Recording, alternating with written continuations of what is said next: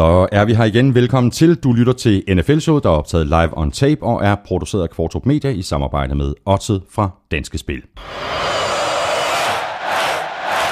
Du kan abonnere og downloade i iTunes, eller hvor du nu henter dine podcasts. Alternativt så kan du lytte på nflsod.dk i SoundCloud og på gulklud.dk.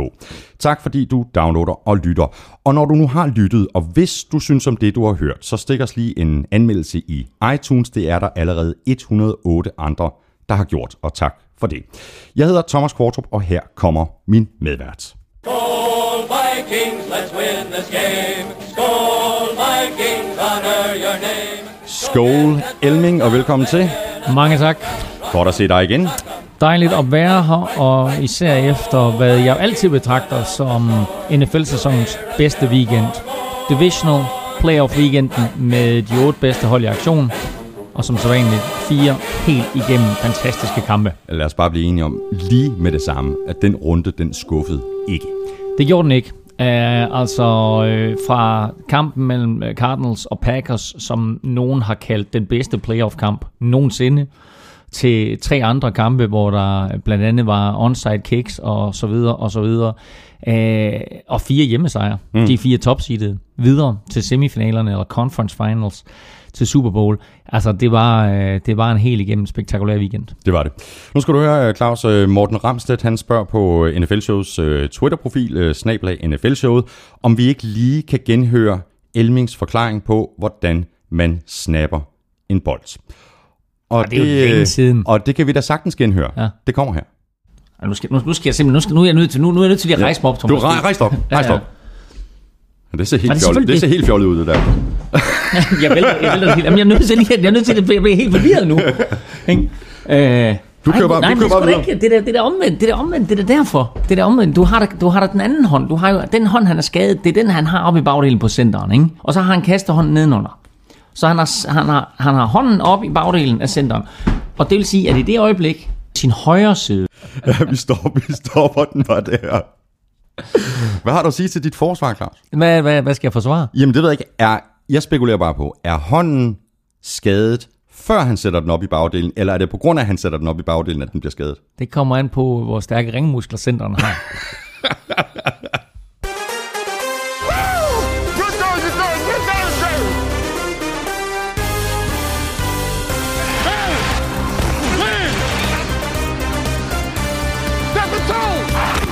Wildcard-runden endte med fire udesejre. Divisional-runden i sidste uge endte med fire hjemmesejre. Nu er Panthers klar til at tage imod Seahawks i NFC-finalen, mens Broncos i AFC får besøg af Patriots i Manning Brady Bowl.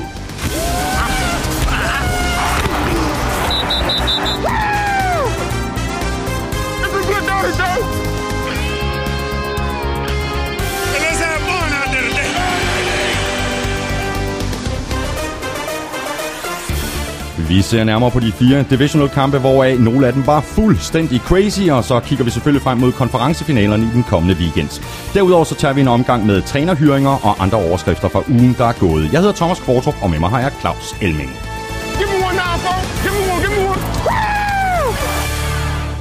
Ja, Claus, øh, vi har faktisk allerede snakket en lille smule om det i, øh, i introen, men altså det kan godt være, at øh, wildcard-runden den var vild, men det var divisional-runden i sandhed også. Det var den wildcard-runden, der var det fire udhold, der vandt, og øh, dermed så var der altså fire divisionsvindere, som øh, måtte sige farvel og tak ganske, ganske hurtigt. Så kom de fire wildcards, så kom de på besøg hos de fire topseedede hold, og øh, selvom alle kampene var tætte, og øh, principielt kunne være endt med fire udsejre, så blev det altså fire hjemmesejre. Og det var faktisk første gang, jeg tror siden, kan det være 2004, at øh, de fire topseedede hold, øh, de alle sammen vandt. Mm. Rune Baskiewicz, han beder, beder også om en kommentar på, at alle wildcard-holdene gik videre til divisional round, for så alle at ryge ud runden efter. Han øh, spørger om, vi synes, der skal være et, et, et nyt playoff-system. Det har jo været op at vende mange gange omkring, øh, om, om man simpelthen skulle sige, øh, de 12 hold, der kvalificerer sig til slutspillet, eller 14 eller 16, eller mange NFL kommer op på nu her inden for de næste par sæsoner, øh, om de skulle rangeres, seedes, efter øh, simpelthen, hvordan de har klaret sig i sæsonen, sådan mm. så der ikke var øh, noget omkring, øh, at en divisionsvinder var, var seedet foran et wildcard-hold, øh, selvom den divisionsvinder havde, havde vundet færre kampe end wildcard-holdet. Og øh, det kan man argumentere for og imod. Jeg synes stadigvæk, der er et eller andet interessant over det med at vinde sin division, og på den måde få øh, en hjemmebanefordel ud af det. Man kan også sige, at altså, et hold som Houston Texans, der kniber sig i slutspillet med, med, med 9 og 7 i en elendig division, fortjener de hjemmebane frem for et, et, et hold som, øh, som Kansas City Chiefs, der går 11 og 5 og vinder mm. 10 kampe i træk. Eller om de overhovedet fortjener at komme i slutspillet.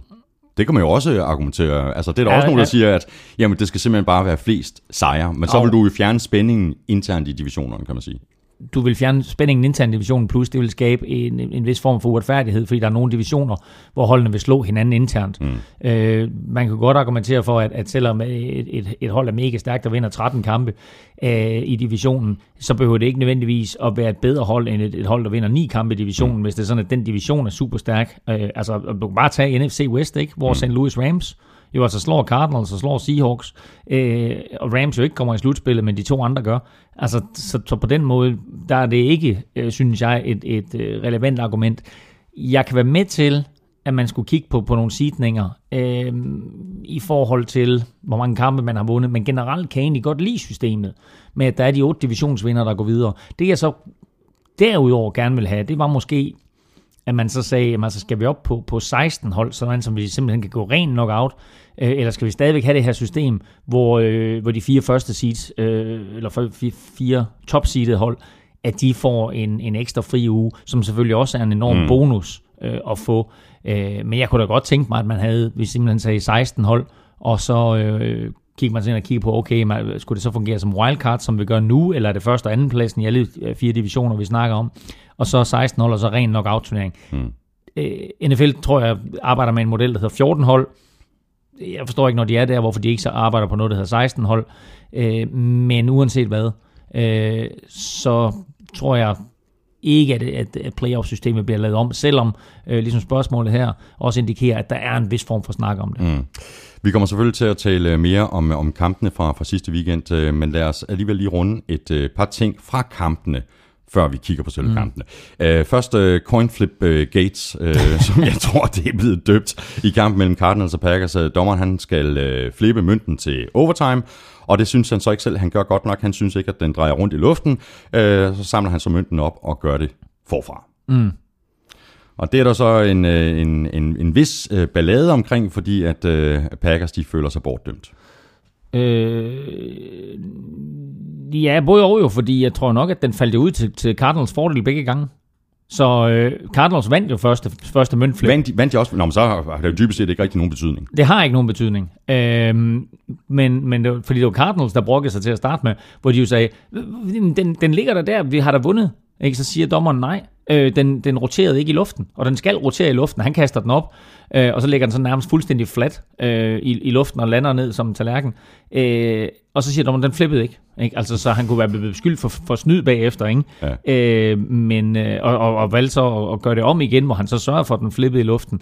Og, øh, og, og begge dele faldt ud til Cardinals fordel, så den fint nok ikke. Altså, fordi var, var den ikke faldet ud til, var den faldet ud til Packers første gang, og så til Cardinals anden gang, så havde den her sag skabt ja, dog kæmpe, så. kæmpe røre. Men, men, men, altså, men jeg tror faktisk ikke engang, det står noget sted i reglerne, at den skal dreje rundt i luften. Nej. Jeg tror faktisk ikke engang, det står nogen steder, så det var, han, han traf en beslutning på ja. stedet, og sagde, det der, det gjorde jeg ikke ordentligt, så nu, nu gør jeg det lige om. Ja, og så så jeg, at, at uh, Dean Blandino, som er, er chef for alle dommerne, han faktisk var ude bagefter og, og sige, at, uh, at dommeren gjorde det, gjorde det korrekt. Øh, så øh, han, han håndterede situationen øh, mm, på den måde, mm. som, som han nu skulle gøre det. Men det er så jo et øh, andet år i træk, Claus, at Packers de ikke engang får chancen i overtime i en mm. slutspilskamp. Altså, det var det samme mod, mod, øh, mod Seahawks sidste år. Ja, altså, øh, og man kan sige, øh, overtidsreglerne blev ændret fra, at man kunne vinde med, med, med et spark på det første angrebsserie, dengang Saints øh, slog Vikings i 2009, og, og, og øh, så endelig kom der en eller anden form for pres på, at ej, det kunne altså ikke nytte, når man kunne køre ned ad banen, og så komme ned på 35-linjen, så sparke et afgørende field goal, og så kampen overstået. Så derfor så indførte man den her regel med, at begge hold skulle have muligheden, hvis det første hold sparker et field goal. Mm. Men begge hold får ikke muligheden, hvis det første hold scorer et touchdown, eller en defensiv scoring. Øhm, og både sidste år og i år øh, har modstanderne jo på den første angrebsserie scoret touchdown imod Packers. Og jeg vil bare lige sige, at du sidder og smiler på en eller anden mærkelig måde, når du snakker om det her. Nej, det gør Fordi jeg ikke. det måske var Packers, det gik ud over. Ja, men det kunne man godt forestille men sådan er jeg ikke. øhm, altså... Øh... Men man kunne vel argumentere for, at lave en regelændring, der, der sikrede, at begge hold de fik chancen. Jamen altså, så skal du, så skal du gøre det sådan, så du siger, øh, altså i college fungerer det jo på den måde, at i stedet for, at man bruger hele banen, så siger man, så starter vi fra mener, 20 eller 25 linjen, og så kører man derfra en angrebsserie, og så får modstanderen muligheden. Mm. Og så er det uanset, så det første hold, der har, der har bolden, hvis de scorer tre point, jamen så kan modstanderne selvfølgelig øh, vinde ved at score et uh, touchdown. Mm. Scorer de også tre point, så starter man forfra. Mm. Ikke? Så på den måde, der kan man godt indføre en eller anden form for system, eller det der. Men på den anden side, så får du kæmpe spil her, Larry Fitzgerald, ikke? Altså, som, som bringer bolden ned øh, tæt på mållinjen og scorer umiddelbart efter. Øh, så jeg tror egentlig, at NFL er rigtig, rigtig godt tilfreds med overtidsreglerne, som de er nu. Packers er bare ikke. Så havde vi et øh, måske lidt øh, kontroversielt spil i øh, Broncos-Steelers-kampen. Manning han var presset. Han øh, faldt og rejste sig så igen, hvorefter han øh, completed til Emmanuel Sanders for 34 yards, mener jeg. Og grunden til, at det her det er kontroversielt, er, fordi nogen måske vil mene, at Manning frivilligt kastede sig til jorden, og spillet derfor skulle være fløjtet dødt. Mm, og jeg er helt enig i den betragtning. Altså når han gør det der, som han gør der, øh, Igen, lad os lige øh, pointere forskellen på college football og NFL football. I NFL, der skal du være rørt, hvis du er nede. Øh, er du det, øh, så er du nede. I college football, der behøver du ikke at være rørt. Så snart du er nede, altså hvis du er nede og rører med knæet, eller med bagdelen, eller øh, albuen, eller en anden del på kroppen, som, som gør, at, at du øh, er, er dømt nede, så behøver du ikke at blive rørt. Så er du nede. Mm. Øh, og i det øjeblik, at en spiller opgiver sig selv på den måde, som Manning helt tydeligt gjorde her, så skal der være en regel i NFL-håndbogen, der siger også, hvis du opgiver dig selv, det her det er lidt ligesom at slide. Mm. Der er sat en regel ind for quarterbacken, når han løber selv, så kan han slide med benene forrest, øh, så opgiver han sig selv, og så må modstanderen ikke ramme ham, og så får han bolden ikke derfra, hvor slidet øh, ender, men derfra, hvor slidet slutter. Starter. Idiot. Øh, her opgiver han sig selv. Principielt for minus 3-4 yards. Han bliver ikke rørt. Rejser sig op, kaster til Emmanuel Sanders. Completer øh, det længste kast i kampen, er det 36 yards? Jeg tror, 4, 34 eller 36 yards, ja. Øh, og jeg kan godt forstå, at de er arige på den modsatte sidelinje. Fordi det her, det var øh, fuldstændig urimeligt. Øh, Mike Tomlin står og diskuterer med dommerne og siger, altså, hvad er det her for noget? Mm. Ikke? Mm. Øh, og dommeren kommer ud og siger bagefter, øh, spillet kan ikke ses igennem. Øh, det her det er ikke et spil, øh, der kan ses igennem, øh, fordi han, øh, han er ikke dømt down by contact. Så øh, kendelsen fra dommerne er helt efter regelbogen. Kendelsen, øh, eller hvad skal vi kalde det, skal vi sige det, øh, måden reglen er på, skal ændres. Mm. Fordi i det øjeblik Manning han smider sig ned her, som han har gjort mange, mange gange, vi har jo set ham, at i stedet for at tage det store skrald igennem de sidste 2-3 år, så tager han et 4-5 yard øh, tab, smider sig ned og siger, okay, fair nok, mm. I har mig. Ja, det er jo fuldstændig, hvis han, hvis som det hvis han slidede. fuldstændig som, ah, men ikke kun slide, men også vi har tit set ham gøre det i lommen. Men fuldstændig som hvis han slider, og der er selvfølgelig ikke nogen, der rører ham, det må ja. de ikke. Ja. Og så rejser han sig op, og så løber han eventuelt videre, eller completer pass, det vil også være fuldstændig vanvittigt, og det er virkelig den, en, en parallel situation, vi har her. Jamen det er det da. Øh, og derfor så skal der, øh, og det tror jeg også, at, at, at, øh, at NFL kigger jo altid på nogle forskellige regler i offseason, og jeg tror også, at den her regel bliver kigget igennem, fordi det der, den måde at spille det på, ikke? Altså, hvis, lad os nu sige, at han smider sig ned på den måde der, og så en af Steelers-spillerne kaster sig ovenpå ham, så får Steelers-spilleren 15 yards straf. Hmm. Øh, og hvis en Steelers-spiller sådan lige prøver på at berøre ham, men Manning rejser sig op uden at blive rørt, og så kaster, ikke? Så er det bare pissegodt spil af Manning, ikke, hvilket det jo var, kan man sige. Men der er et eller andet her i reglen, mm. øh, regelhåndbogen, som når, når der er så mange regler, der tager gode til quarterbacks, så skal der også være en regel, der tager gode til forsvaret, som siger, når han opgiver sig selv på den måde der, så er spillet dødt. Et sack, øh, whatever den spiller, der er tættest på for et sack, eller holdet for et sack, eller hvad mm. det nu måtte være, der er i hvert fald minus 3-4 yards, og næste down. Så havde jeg øh, glædet mig rigtig meget til at se øh, Marshawn Lynch i aktion igen i, i kampen mod Panthers. Øh, ham fik vi ikke øh, ret meget at se. Altså, altså selvfølgelig også noget at gøre med gameflow, kan man sige, øh, fordi øh, Seahawks var mere eller mindre nede i stikken ned bagud med, med, med 31 point, og så begynder mm. man ikke at løbe bolden helt vildt. Men tror du ikke, at øh, Lynch han er færdig i Seattle? Jeg mener, han fylder 30 til april, mm. og han har set sådan lidt halvfærdig ud i, går, i, i år. Jeg ved godt, han har været, været skadet flere gange. Mm.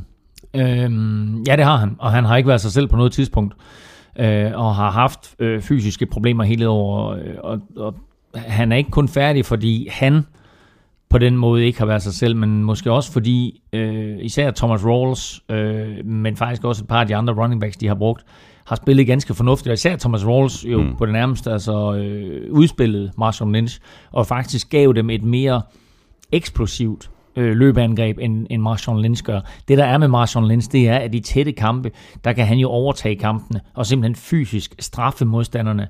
Øh, og når en kamp er fire quarters lang, som vi har snakket om nogle gange, øh, plus det løse jo, øh, så er hans måde at løbe på, bare hårdt for et forsvar, og skulle håndtere igen mm. og igen og mm. igen. Mm.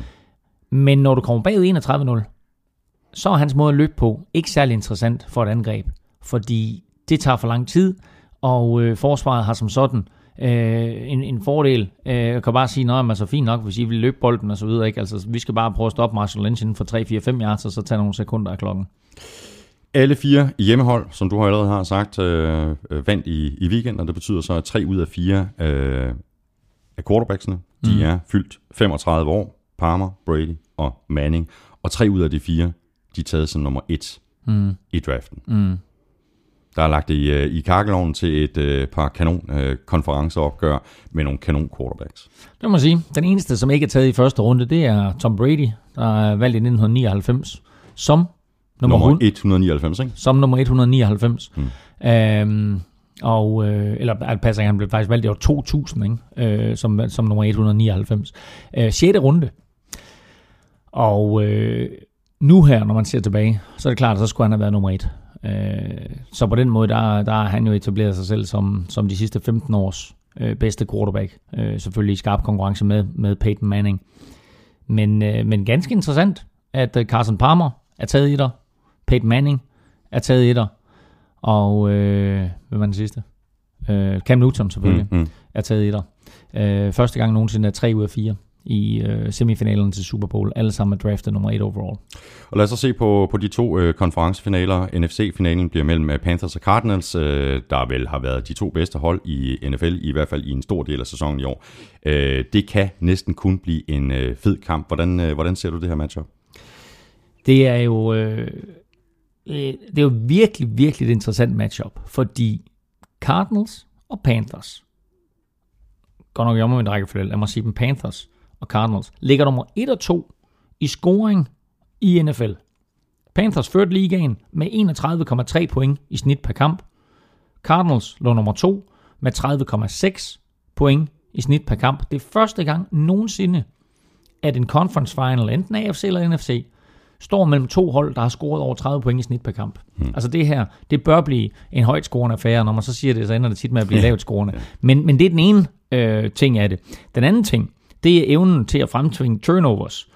Der øh, havde Cardinal eller Carolina øh, 39 turnovers, som de fremtvang for modstanderne til interceptions og fumbles. Det var nummer 1 i NFL. De scorede Hvilket også er ekstremt højt. 39, ja. altså det er jo, det er jo to og en halv per kamp jo. Ja. De scorede 148 point på de 39 turnovers. Det er mest af alle. Hmm. Cardinals havde 33 turnovers. Det er nummer to i NFL. De scorede 140 point på de turnovers. Det er nummer to i NFL. Hmm. Så det er altså to virkelig, virkelig dygtige modstandere, både på, eller øh, hold, der mødes her, både på angrebet og på forsvaret. Altså, vi må også bare sige, godt nok så var jeg stor fan af Seattle og, og deres sene rise to fame, øh, men statistisk set over hele sæsonen, det er bare de to bedste hold i NFC, der mødes her. Mm. Og så i uh, AFC, AFC-finalen, der, der bliver det så Broncos og, og Patriots, og den her kamp, den er selvfølgelig allerede uh, blevet døbt uh, Manning-Brady Bowl, uh, kampen mellem de to største quarterbacks forløb i hvert fald i det her århundrede. Det er 17. gang, de møder hinanden, og 5. gang i, i slutspillet. Mm. Uh, og det er vildt imponerende, at de har mødtes 17 gange.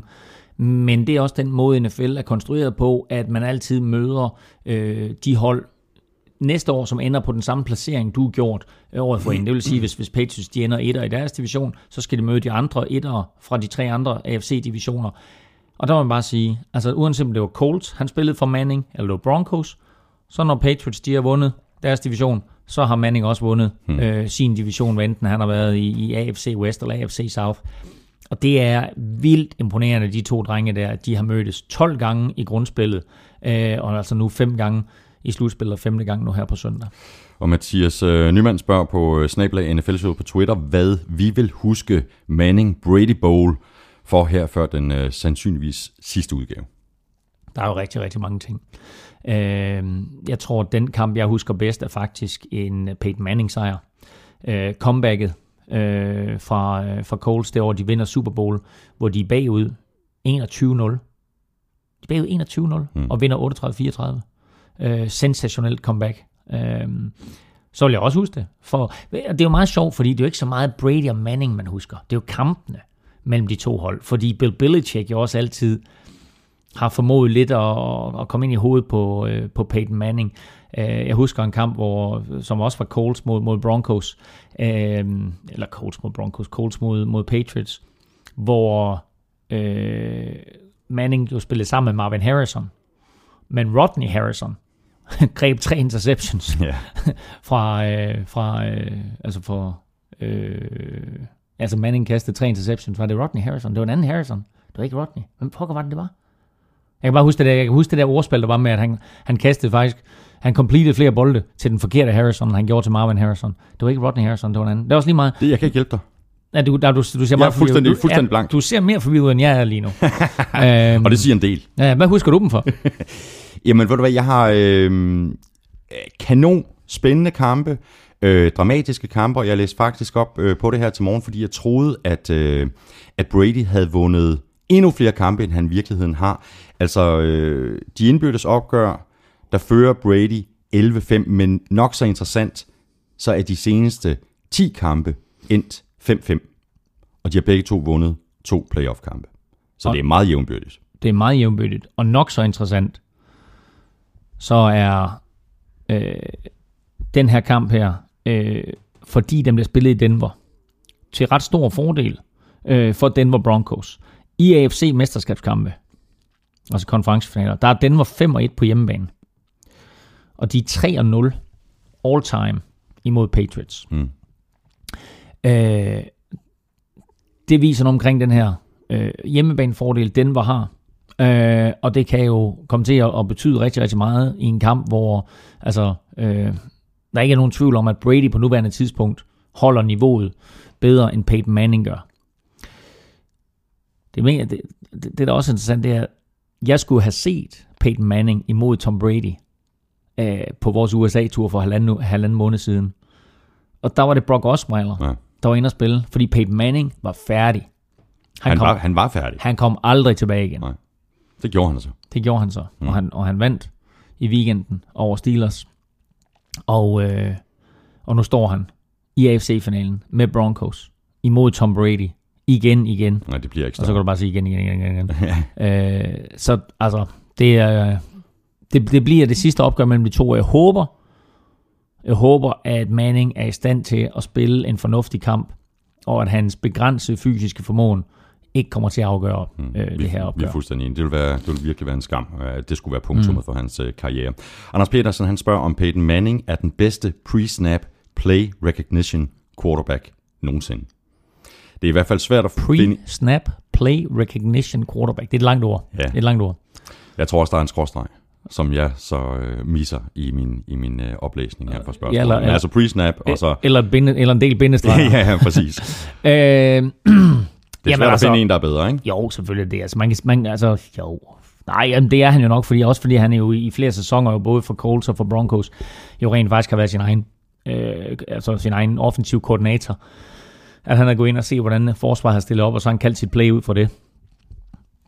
Der er mange hold, som, øh, som bruger det her med at sende to spil ind, hvor quarterbacken så kan vælge det spil, han synes er bedst. Altså Broncos har arbejdet med fire eller fem eller seks spil mm. øh, til nogle tidspunkter.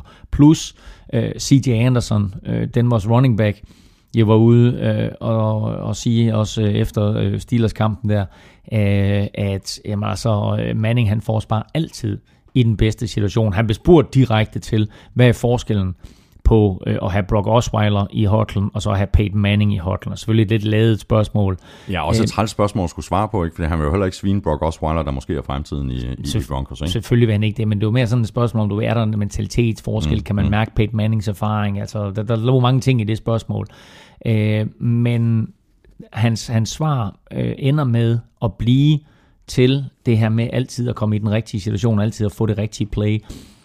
Der kan være kaldt et kast, som så bliver til et løb, eller der kan være kaldt et løb i den ene side, som bliver til et løb i den anden side. Manning læser hele tiden øh, på, hvordan stiller forsvaret op. Hvad, øh, forsvaret prøver selvfølgelig på på den anden side at snyde, og sige, vi viser det her, men det er egentlig det her, vi gør. Men Manning er altså en mester i øh, at læse forsvaret.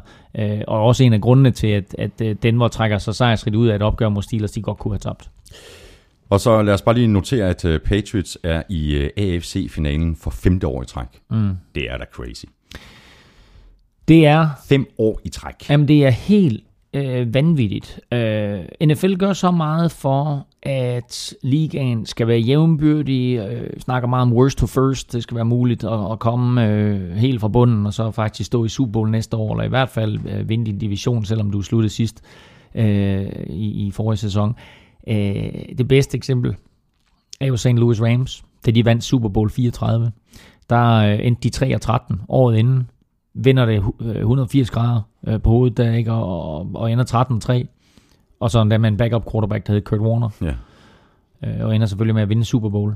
Øh, ja og der det havde vi The Greatest Show on Turf. Præcis. Og det er jo det, NFL gerne vil. Mm. Mm. De vil gerne have de der øh, eventyrhistorier, hvor det er muligt for et hold at, at, at altså være, være helt ude og komme fra scratch og, og, og vinde. Øh, og ikke at NFL ikke elsker New England Patriots, og især Tom Brady, som er ligaens posterboy, på trods af Deflategate med mere, øh, så er det imponerende, at han og, og, og Bill Belichick og Patriots har været i stand til det her i, igennem de sidste 15 år. Og lad os så bare... Øh, ja, Ja, og, må, og må jeg lige øh, tilføje her, at det passer perfekt til quizzen. okay. Ikke? Jamen, så tager vi den nu. Fordi du får quizzen her nu. Du får ikke, du får ikke lov til at trykke på jinglen. Jo, jo. Nej, Skal vi ikke have den? nej, Jo, jo. nej, jo, nej, her. stop, her. stop. Her. Vi skal have quizzen. Åh. Det er tid til quiz, quiz, quiz, quiz, quiz. Jeg blev fan af den. Du skal ikke have andre jingler. Nå. Først lidt, uh, lidt baggrundsinformation. Quarterback, trænerkombinationer. Head coach. Head coach plus en quarterback. Yes. I Super Bowl-historien. Steelers, Chuck Noll, træner, og quarterback Terry Bradshaw, spillede i seks AFC mesterskabskampe, altså Conference Finals. Det samme gjorde Dallas Cowboys, Tom Landry og quarterback Roger Staubach. De var i seks NFC Championship kampe. Hvor mange er Bill Belichick og Tom Brady op på nu? De har været sammen i 16 sæsoner. Brady har kun startet i 15. Så 15 sæsoner.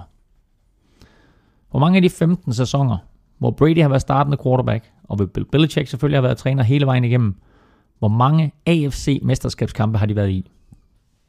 Yes. Jamen, det er godt. Jamen, jeg, har, øh, jeg har lige øh, jeg har noteret øh, en brøkdel af dit spørgsmål. Ja, fordi, så vender- og fordi så du vender har lige sagt de selv at være i fem. så er det bare at regne sig frem til, hvor mange, hvor mange har de ellers været i. Ja. Nå, øh, Claus, det vender vi så tilbage til. Men lad os lige nappe nogle, nogle øh, andre overskrifter, inden vi kigger tilbage på, på weekendens kampe. Hugh Jackson, han er ny øh, head coach i Browns, og Ja. jeg havde faktisk øh, håbet lidt på, at han ville komme til San Francisco, Mm. men sådan skulle det så ikke gå. Hvad siger du til, til valget i Browns? Jeg siger, det er en katastrofe for- for Bengals. Øh, han har haft så positiv effekt på øh, Andy Dalton, øh, og for den sags skyld på øh, AJ McCarron, at øh, jeg tror, de kommer til at savne ham. Øh, Andy Dalton har aldrig været bedre. Øh, Bengals sæson øh, kunne være gået helt, helt anderledes, hvis han havde fået lov til at, at, at spille den færdig. Øh, så det her er et rigtig, rigtig godt valg. Hugh Jackson var også i spil til New York Giants. Hmm. Og øh, Giants sagde øh, umiddelbart øh, efter, at, at han skal... Fordi han, han skulle faktisk have været til samtale hos Giants om torsdagen, men skrev under onsdag med Cleveland Browns. Og et par dage inden havde været til samtale i 49ers. Ja, men der havde han været i samtale. Han nåede ikke engang at komme til samtale hos Giants. Nej, og der lød, der lød et rygte fra 49ers. De tog det stille og roligt. De kunne ikke forestille sig, at han ville vælge Browns. Og det gjorde han så. Øhm, og det er, og det er virkelig, virkelig interessant, at han gør det ikke, fordi altså, der kom, du kommer til uh, The Factory of Sadness, et, mm. uh, et sted, der er kendt for instabilitet, og Factory of Failure. ja, det kan du roligt kalde det. Øhm, og har jo været ude og melde ud. Vi vælger en quarterback i første runde. Ja, og de har, hvad er det, pick? Ja, de har første, første runde. Og det, øh, nej, Nej, de har nummer- de har nummer to. an- andet pick, andet pick. Men er der en quarterback, der er god nok til at, at nappe som nummer to i årets draft? Ellers så skal de vente til pick nummer 199 og se, hvad der er der. Men er det, betyder det så øh, samtidig, at det er bye bye til Johnny Football? Det tror jeg. Altså, jeg kan ikke forestille mig, at, øh, at han er i, i, i klubben. Øhm, det er klart, at Han ryger til Dallas, jeg har sagt det før. ja, det har du godt nok, og, og, og jeg er ikke helt villig til at, at, at sige, at det ikke kommer til at ske. Øhm, men, øh, men jeg tror, tror... du kaldte mig sindssyg, da jeg sagde det første Du er sindssyg. jeg tror faktisk, at, øh, at, at Johnny Football er færdig øh, i Cleveland. Øh, jeg tror, øh, Hugh Jackson er nødt til at komme ind og statuere nogle eksempler. Mm. øh, og sætte sit aftryk omgående. Og det kommer han til at gøre ved at sige, prøv at høre, det der pis der, det gider vi ikke. Knægt ud, du må finde et andet sted, hvor, hvor, hvor du kan øh, være den her øh, knægt, øh, i stedet for at være en fodboldspiller Mm. øh, på, på niveau med alle andre. Og så er Chip Kelly ny uh, head coach i 49ers. Uh, når den nu ikke kunne blive uh, Hugh Jackson eller Sean Payton, som jeg også havde håbet lidt på, jamen så er jeg faktisk uh, afdæmpet optimist i forhold til den her hyring. Jeg tror ikke, der er nogen, der sådan sætter de helt store spørgsmålstegn ved Chip Kellys uh, evner som coach. Mm. Uh, spørgsmålet er, om han kan blive en god NFL-coach. Så det er så der, jeg, jeg tror, at, at Chip Kelly måske har lært af sine sæsoner i Eagles. Altså han har lært af sin fejl. Plus, at han skal kun koncentrere sig om at træne.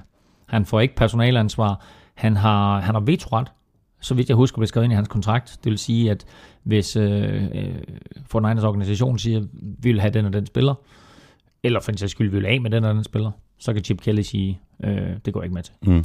Så, er det, så er det bare lige afslutningsvis om, omkring den her hyring sige, at så håber jeg virkelig, at Trent Borke, altså GM i, i 49ers, og Chip Kelly har talt det her grundigt igennem til deres øh, samtaler, inden at han blev hyret, mm. fordi ellers bliver det jo en fuldstændig gentagelse af den øh, situation, vi så med Jim Harbaugh, som også var i konflikt med Trent Baalke mm. hele tiden. Ja, øh, altså, jeg vil sige, du er væsentligt bedre inde i, i Fortnite's organisation, jeg er, men, men en ting vil jeg sige her, øh, og det overrasker mig en lille bit smule, øh, men det var, at, at øh, jeg har set, at, at grunden til, at Chip Kelly var så interesseret i at komme til Fortniters, det havde ikke noget med organisationen at gøre, det havde noget med de to quarterbacks, de havde, mm. Colin Kaepernick og Blaine Gabbert. Mm. Altså, det overrasker mig. Men altså, han føler jo lidt, at, at, at Colin Kaepernick måske er den perfekte quarterback til det system, han ønsker at køre. Og så har øhm, Eagles valgt ny head coach også. De har ansat den tidligere offensive øh, koordinator for øh, Chiefs, Doug Peterson, der har arbejdet under den tidligere Eagles head coach, Andy Reid. Ja. Og øh, det øh, overrasker mig på den ene side, og på den anden side overrasker det mig overhovedet ikke. Og lad mig sige, hvorfor det ikke overrasker mig. Det er fordi Jeff Lurie, som er ejer for Eagles, elskede Andy Reid, og det Andy Reid gjorde for Philadelphia Eagles. Men der kom på et tidspunkt, lidt ligesom der gjorde med Giants og Coughlin, at det var tid til at bevæge sig i en anden retning. De har ikke fundet den rigtige løsning. De har ikke fundet en mand, der kunne overtage øh, det enorme job, det er at, at, at være head coach i Philadelphia. For det er et stort job. Altså efter, efter New York-klubberne, øh, der, er der, ikke, øh, der er der ikke mange fanbaser, der, der er så vilde, øh, som, som, som Philadelphia er. Det er Eagles fans er rimelig krævende. de er rimelig krævende. Øh, så det er et enormt stort job at have. Øh, nu, henter, nu henter han så Doc Peterson ind, som øh, har været sådan en, en, en slags modellervoks i hænderne på Andy Reid, og håber Jeff Lurie selvfølgelig på en eller anden form for klon, både, øh, både systemmæssigt, men også menneskeligt. Mm. Derfor overrasker det mig ikke. Nu skal jeg fortælle dig, hvorfor det overrasker mig. Han har været træner for Kansas City Chiefs. Han har været offensiv koordinator for Kansas City Chiefs. Han har angiveligt haft øh, æren for de her 11 sejre i træk. Han har kaldt alle spillene I anden halvleg, kan vi lige vende tilbage til, når vi snakker om, om Chiefs mod Patriots. Og en ting, vi også skal vende tilbage til, når vi snakker om Chiefs Patriots, det er måden, de håndterede de sidste to minutter på. Både i første halvleg og anden halvleg, for en sags skyld, mm-hmm. men primært i anden halvleg. Det var Doc Petersons ansvar. Hvor mange hold, og, og helt præcis hvor mange ved jeg ikke, men hvor mange hold i de senere år har ansat en fyr til at være ansvarlig for at håndtere tiden inden for de sidste to minutter i første halvleg, de sidste fem minutter i anden halvleg, så var det et job. Altså, øh, clock management coach, eller responsible for clock management. Det tilfaldt Doc Peterson. Mm. Og, Altså- og tiden løb og løb og løb. Tiden løb og løb og løb. Og det var ikke kun den kamp, fordi her er en lidt interessant statistik. Hvor mange touchdowns har Chiefs scoret i den tid, Alex Smith og Doc Peterson har været sammen i de sidste to minutter? Zero. Zero touchdowns. Altså, se på Manning, se på Brady, etc. Se på Russell Wilson, ikke? Altså, som er mesteren jo nærmest for tiden. Ikke?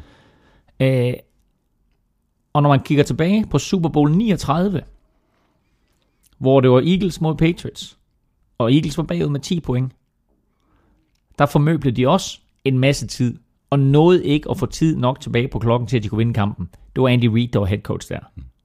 Nu får de den samme situation igen. Det overrasker mig. Ikke?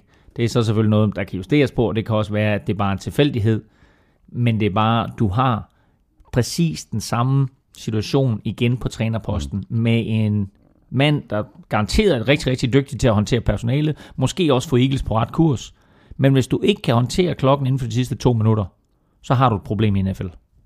Vi er fuldstændig enige, men må ikke, at der er, er, er, fokus på det, især efter sidste weekends kamp her. Altså man kan tjekke de lokale Philadelphia-aviser nu i den kommende uge, og så se om der er en clock management coach stilling slået op.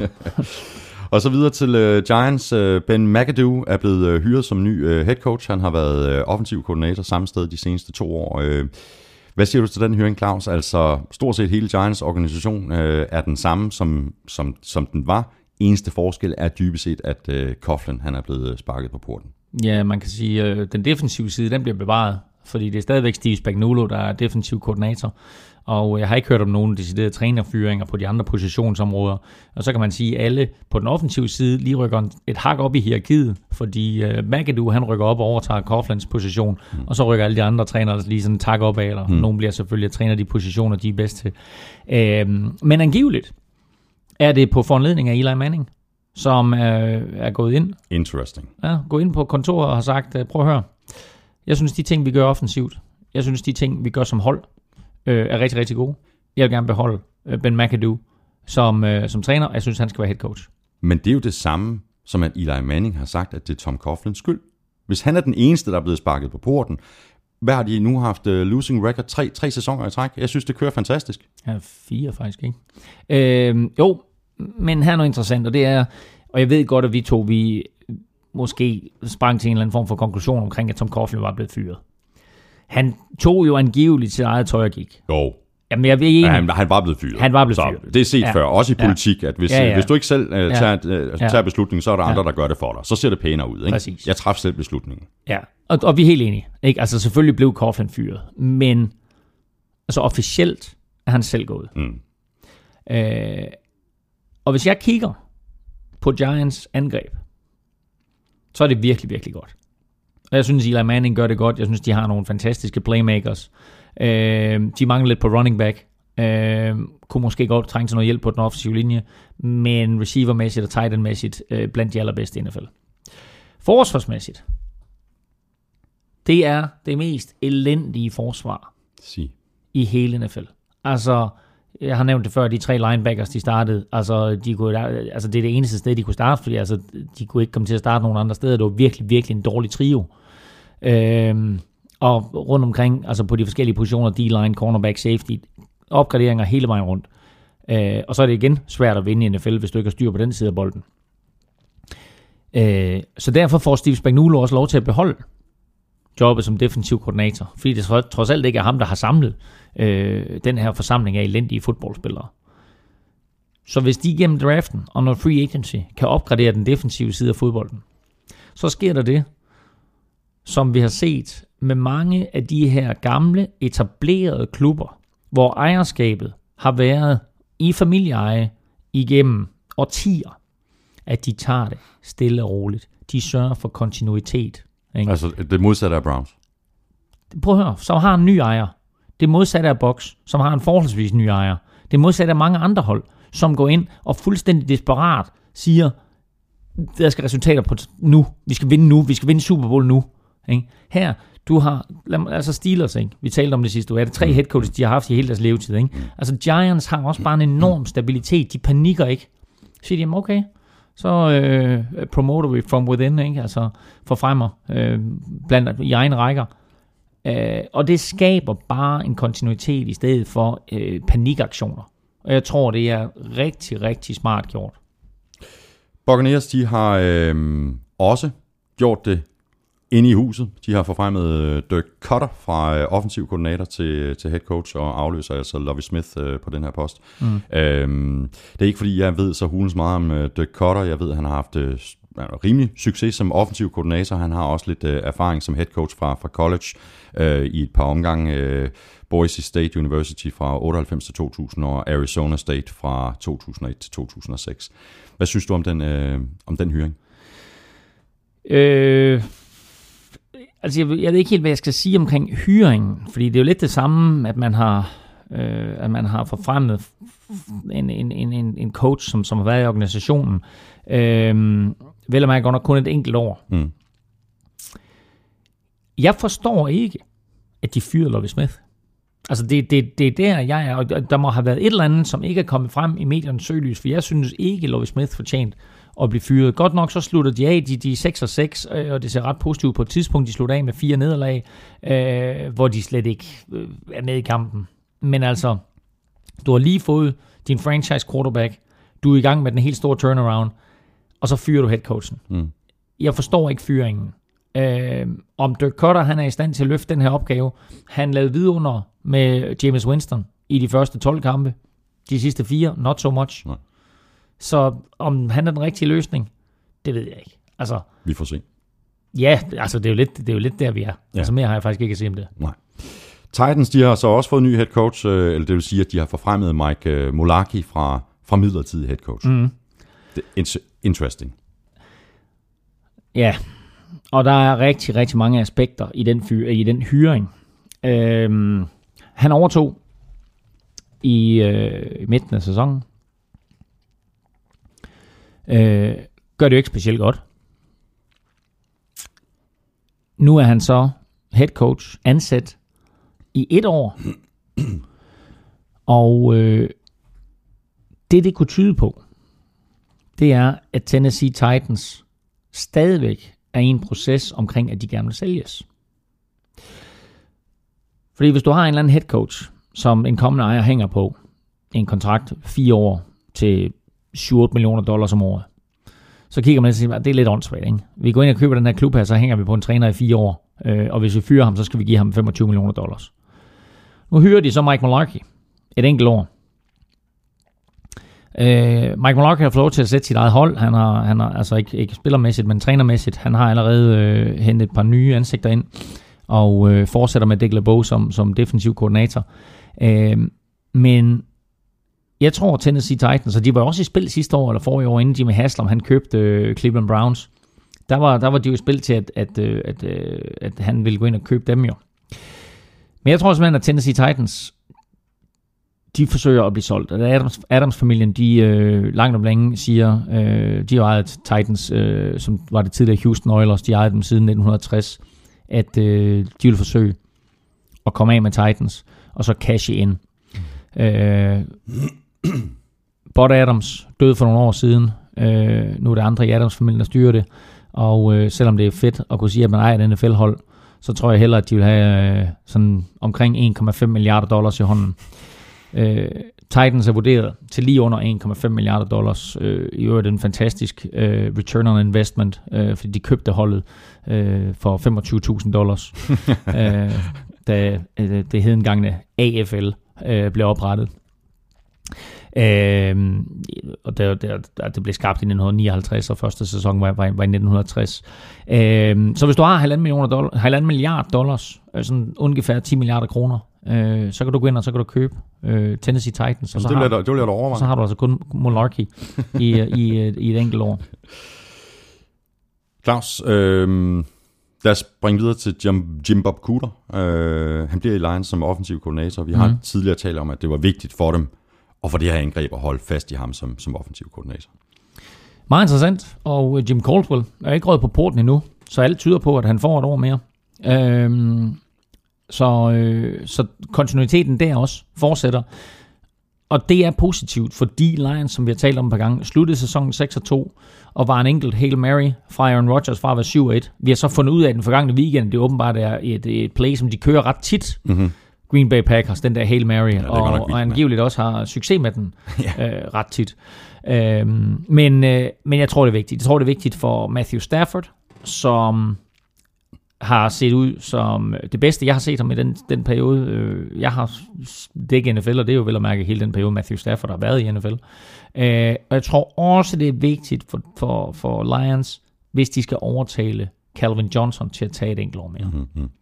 Så øh, ganske, ganske positivt, og det er jo sjældent, at vi taler om offensive koordinat- koordinatorer eller defensive koordinatorer, deres værdi for et hold. Men her der har du altså virkelig en, en mand, øh, som vi tog lidt pis på til at starte med, på grund af hans navn, Jim Bob Cooter. Øh, men en mand, som har bevist sit værd, mm. og har bevist sin værdi, øh, ikke mindst for Matthew Stafford. Og så har Coles ansat øh, Joe Philbin, der er blevet hyret, der blev fyret fra, fra øh, Dolphins som head coach midt i sæsonen. Og han er blevet øh, ansat som offensiv linjecoach og assisterende head coach. Der gik ellers rygter om, at han skulle være øh, blevet offensiv koordinator i, i Giants, men, mm. øh, men titlen som assisterende head coach var åbenbart det, der fik han, ham til at træffe beslutninger om at, Mm. at blive ansat i Coles. Ja, øh, og, og jeg er faktisk overrasket over, at, at, øh, at han gik med til det, altså til, til at træne øh, O-line. S- og så må vi så se, hvad der ligger i det ansvar, at han bliver assisterende head coach. Mm. Øh, om det har noget med play calling at gøre. Men altså, der har været masser af eksempler på gode koordinatorer, som har fået chancen for at blive head coaches, og bare ikke har været i stand til at styre et helt hold. Der er nogen, som bare er skabt til at styre den ene side af bolden, eller den anden side af bolden, eller den tredje side af bolden, hvis man tager special teams med. Et eksempel kunne være Steve Spagnuolo, som jo var så god en, en defensiv koordinator, at han blev head coach for Rams og aldrig fik succes, og nu er tilbage og være defensiv koordinator hos Giants, hvor han jo kom fra. Øh, og der, er- der er masser af andre eksempler. Øh, og North, bare- North Turner. North Turner, for eksempel. Jamen, altså, der er et hav af eksempler. Øh, både på den defensive side og på den offensive side. Og Philbin her er en af dem. Altså, han fik, altså, angiveligt jo en, en, en virkelig, virkelig karismatisk person. Øh, men måske lidt for bløde kanter, og måske sådan ikke i stand til at være hård nok i, i, i, de, altså, øh, i, i det at håndtere et helt fodboldhold. Øh, og der tror jeg sådan en, en fyr som ham, der han passer bare bedst på den offensive side af bolden, og, og kun skal fokusere på det. At han så er nede og være offensiv line coach, mm. den havde jeg ikke set komme. Nej.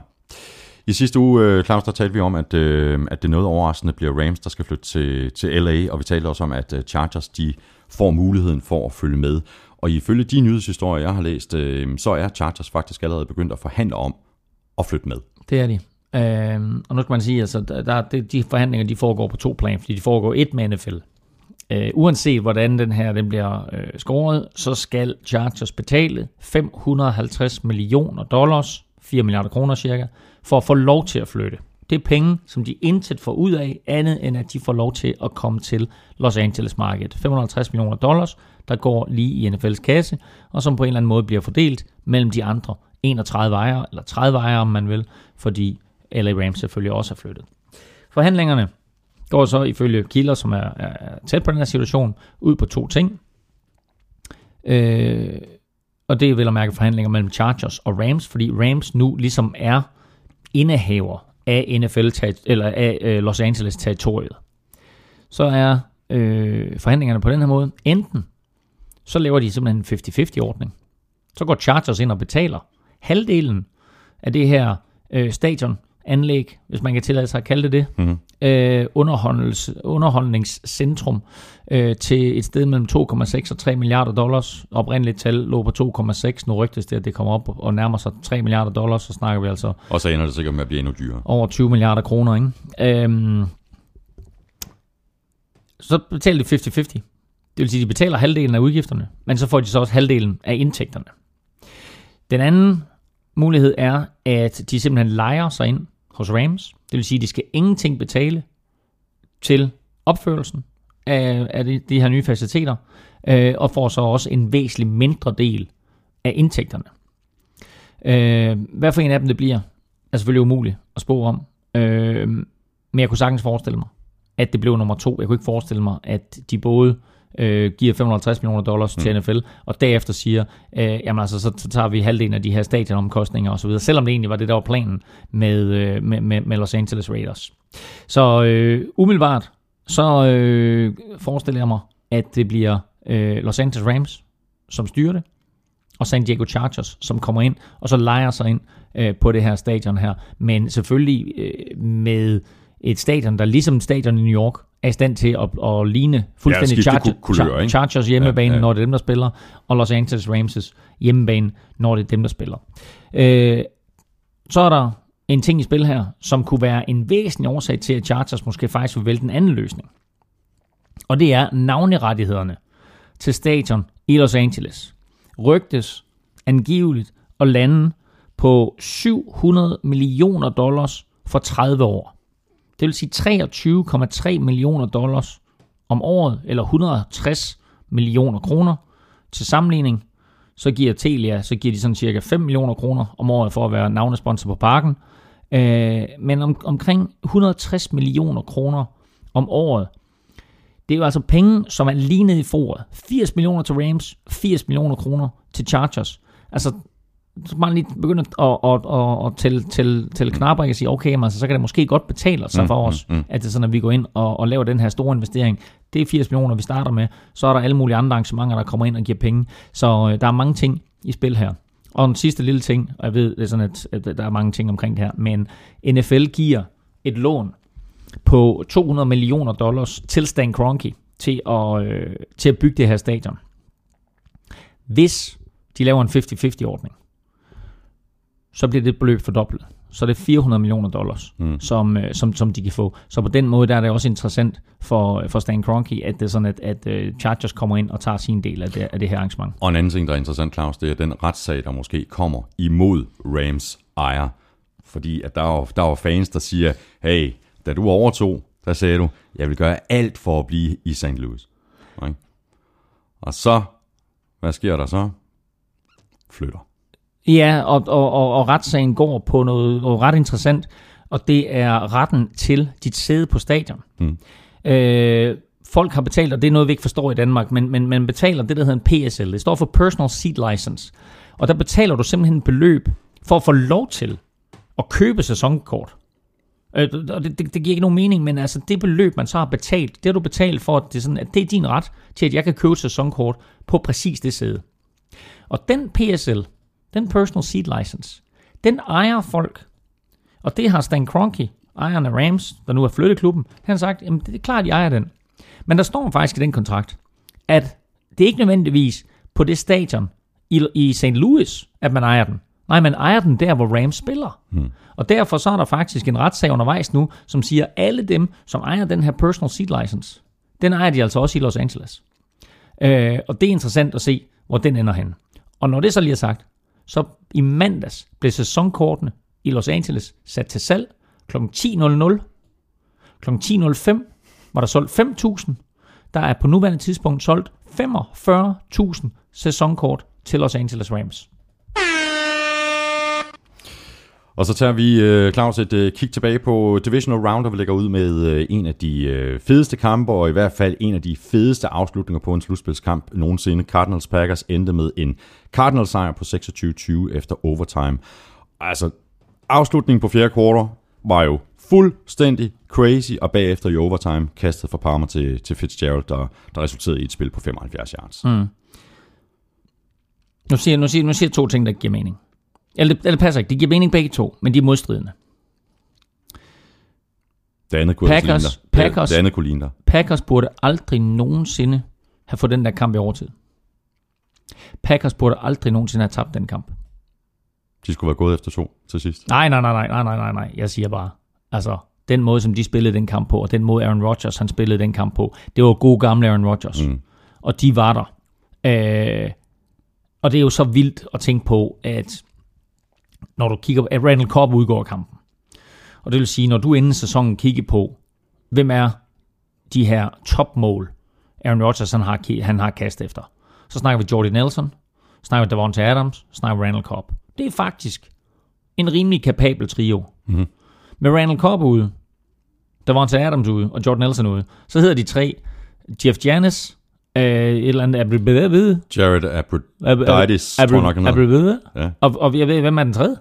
Altså, nej, det er selvfølgelig James Jones, som kommer ind, fordi øh, Jordan Nelson, han går ned, ikke? Altså, det er bare vildt, at han stadigvæk øh, er i stand til at spille sådan en kamp. Og så må vi så sige, at Jeff Janis, han griber så chancen. Det må man sige, Øhm. altså. Det er vist hans gennembrudskamp. Hold da kæft, det catch, mand. Jamen, hvad for et af dem? Han lavede, han lavede mange af dem. Men jeg vil bare lige sige, at han giver også Packers et aspekt, som de har manglet uden Jordan Nelson, og det er fart i stængerne. Mm. Han var den der receiver, som kunne, øh, kom, som kunne øh, trække forsvaret dybt. Et, at det sådan, at han selv fik nogle dybe bolde, men også to, det gav bare mere plads til, til andre. Øhm, han er så angiveligt ikke så klog. Og det er en af grundene til, at han ikke har spillet særlig meget i år. Øh, fordi Aaron Rodgers, øh, hvis meget udtalt, har været ude at sige, det er ikke altid Jeff Janis, han er der, hvor han skal være. Fordi han ikke helt er med på, hvad er det helt præcis, der sker i det her play her, hvor er det, jeg skal være, hvordan er det, jeg skal læse forsvaret. Det er en af grunden til, at han ikke har spillet så meget. Nu stod de så i en situation, hvor de var nødt til at spille ham. Og så må man sige, syv catches, 145 yards, øh, og den vildeste, Og den, to touchdowns. den vildeste, vildeste, vildeste statistik, måske ever. Hvor lang er en fodboldbane? 100 yards. Hvad er det længste touchdown muligt? Ja, det, det, er det egentlig... Ja, det kommer an på, Jamen, det er lidt latterligt. endzone med, ikke? Jo, det er lidt latterligt, ikke? Men altså, hvis, hvis du snakker i almindelig play, øh, løb eller kast, så er det 99 yards. Så kan du sige, okay, så har du nogle returns, interception, mm. punt, kick-off return for den sags skyld, ikke? Der kan du selvfølgelig komme op på 109 yards. Du kan aldrig komme på 110, af sådan rent skrivebordsmæssige årsager, selvom øh, Antonio Cromartie rent faktisk har lavet et 110 yard touchdown en gang, men det bliver altid bare bedømt til 109 yards. Øhm, du kan heller aldrig lave i normalt spil, løb eller kast, et 100 yard touchdown, også rent skrivebord, så selvom bolden den starter på krille, krille, krille millimeteren uden for mållinjen, så bliver det altid et 99 yard touchdown.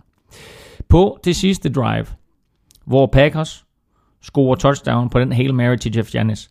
På det sidste drive, der har Jeff Janis 101 yards receiving. Ja, ja. 101 yards receiving. Men skal vi lige løbe øh, de der spil igennem til sidst? Altså, først har vi Rodgers, der completer på en 4. og 20 Ja. fra egen endzone. Fra en fire. Ja, okay. Altså, Ja, han er nede i, ja, altså, Ja, han, trænger, han, han kommer ud af, endzone der og completer den. Mm. For 60 yard kast. Mm. Og altså den måde, han kaster på. Altså, han har jo en raketarm. Det der kaste, det er jo så vildt. Og jeg kan da godt forstå, at Jeff Janis, han står fri, for der er ikke nogen, der tænker, "Ah, han kaster den sgu ikke derned. Mm. Altså, det er der ikke nogen, der kan. Hold nu kæft en arm, der sidder på ham. Ikke? Altså, og den ligger jo, altså, det er jo ikke, det er ikke, det er ikke sådan helt Mary, altså, det, den er jo bare kastet så stenhårdt. 60 yards ned ad banen, ikke? Altså, hvis du lægger det antal yards med til, ah, okay, og nu løber Janis lidt efter catchet, ikke? Den, den er nok cirka 55-60 yards i luften, den der, ikke? Og det tager ikke ret lang tid for bolden at nå frem. De fleste, hvis de skulle kaste 60 yards, altså jeg skulle bruge to eller tre kast til det. Ikke? Altså, men de fleste quarterbacks i NFL ikke. Altså, de kan ikke kaste 60 yards, medmindre de lægger en høj, høj, høj bue på.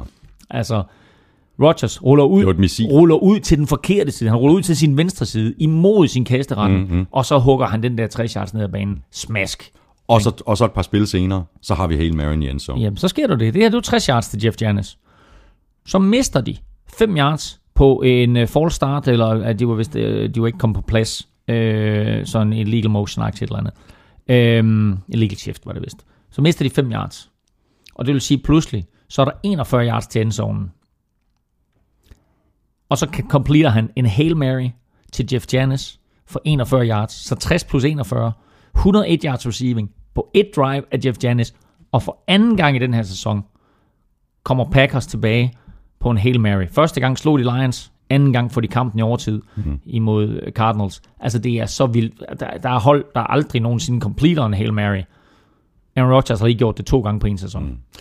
Og det var jo en, en del af det, det vilde i den her kamp. Øh, noget andet vildt, det var øh, Fitzgerald helt generelt i den her kamp, og så i særdeleshed i, i overtime. Mm. Altså det her spil, øh, det kast fra, fra, fra Carson Palmer, jeg tror mange spillere i den situation vil måske have søgt mod sidelinjen, men Fitzgerald han søger derimod ind i banen, og så giver han lige en stiff arm på vejen, og så er det 75 yards.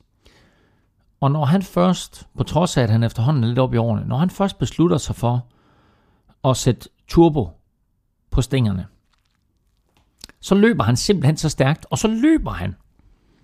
Tænk på, da han kom ind i ligaen, der spillede han sammen med Anquan Bolden. Anquan Bolden vil aldrig nogensinde komme i Hall of Fame. Men han er stadigvæk en af mine yndlingsreceiver, og grunden til det er, at han var så brutal, når han fik bolden i hånden. Når han greb bolden i Anquan Bolden, og gør det jo stadigvæk, han spiller jo stadigvæk for 49ers, når han, øh, når han fik bolden i hånden, så var han så voldsom, så blev han en running back. Og Larry Fitzgerald har lidt af det samme. Det der, det er jo ikke i mine øjne faktisk det største spil, han laver. Han laver et spil på et tidligere tidspunkt, hvor han griber bolden ud ved sidelinjen, 7 yards kortere end første down. Finder en modstander, og så kaster sig frem, strækker bolden så langt ud han kan, og berører lige nøjagtigt første down-markeringen. For lige akkurat første down. Altså, det, gør snakker, to, det gør han to gange. Det gør han to gange, med et par centimeter, ikke? Mm, altså, mm. eller en centimeter. Øh, det er så vildt.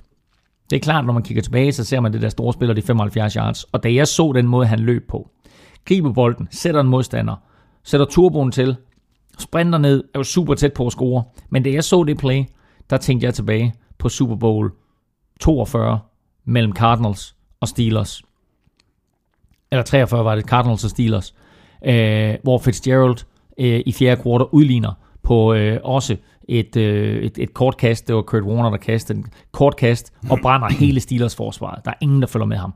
Han lignede mm. den der øh, den Fitzgerald, ikke? altså for, for syv år siden, samme fart i stængerne, han bliver faktisk taklet til aller, aller sidst. Altså vi tror alle sammen, vi troede, da han, da han først drejer op i banen til der med, med, med 15 yards, eller sådan, nu scorer han. Han bliver så taklet, mm. øh, men scorer selv umiddelbart efter.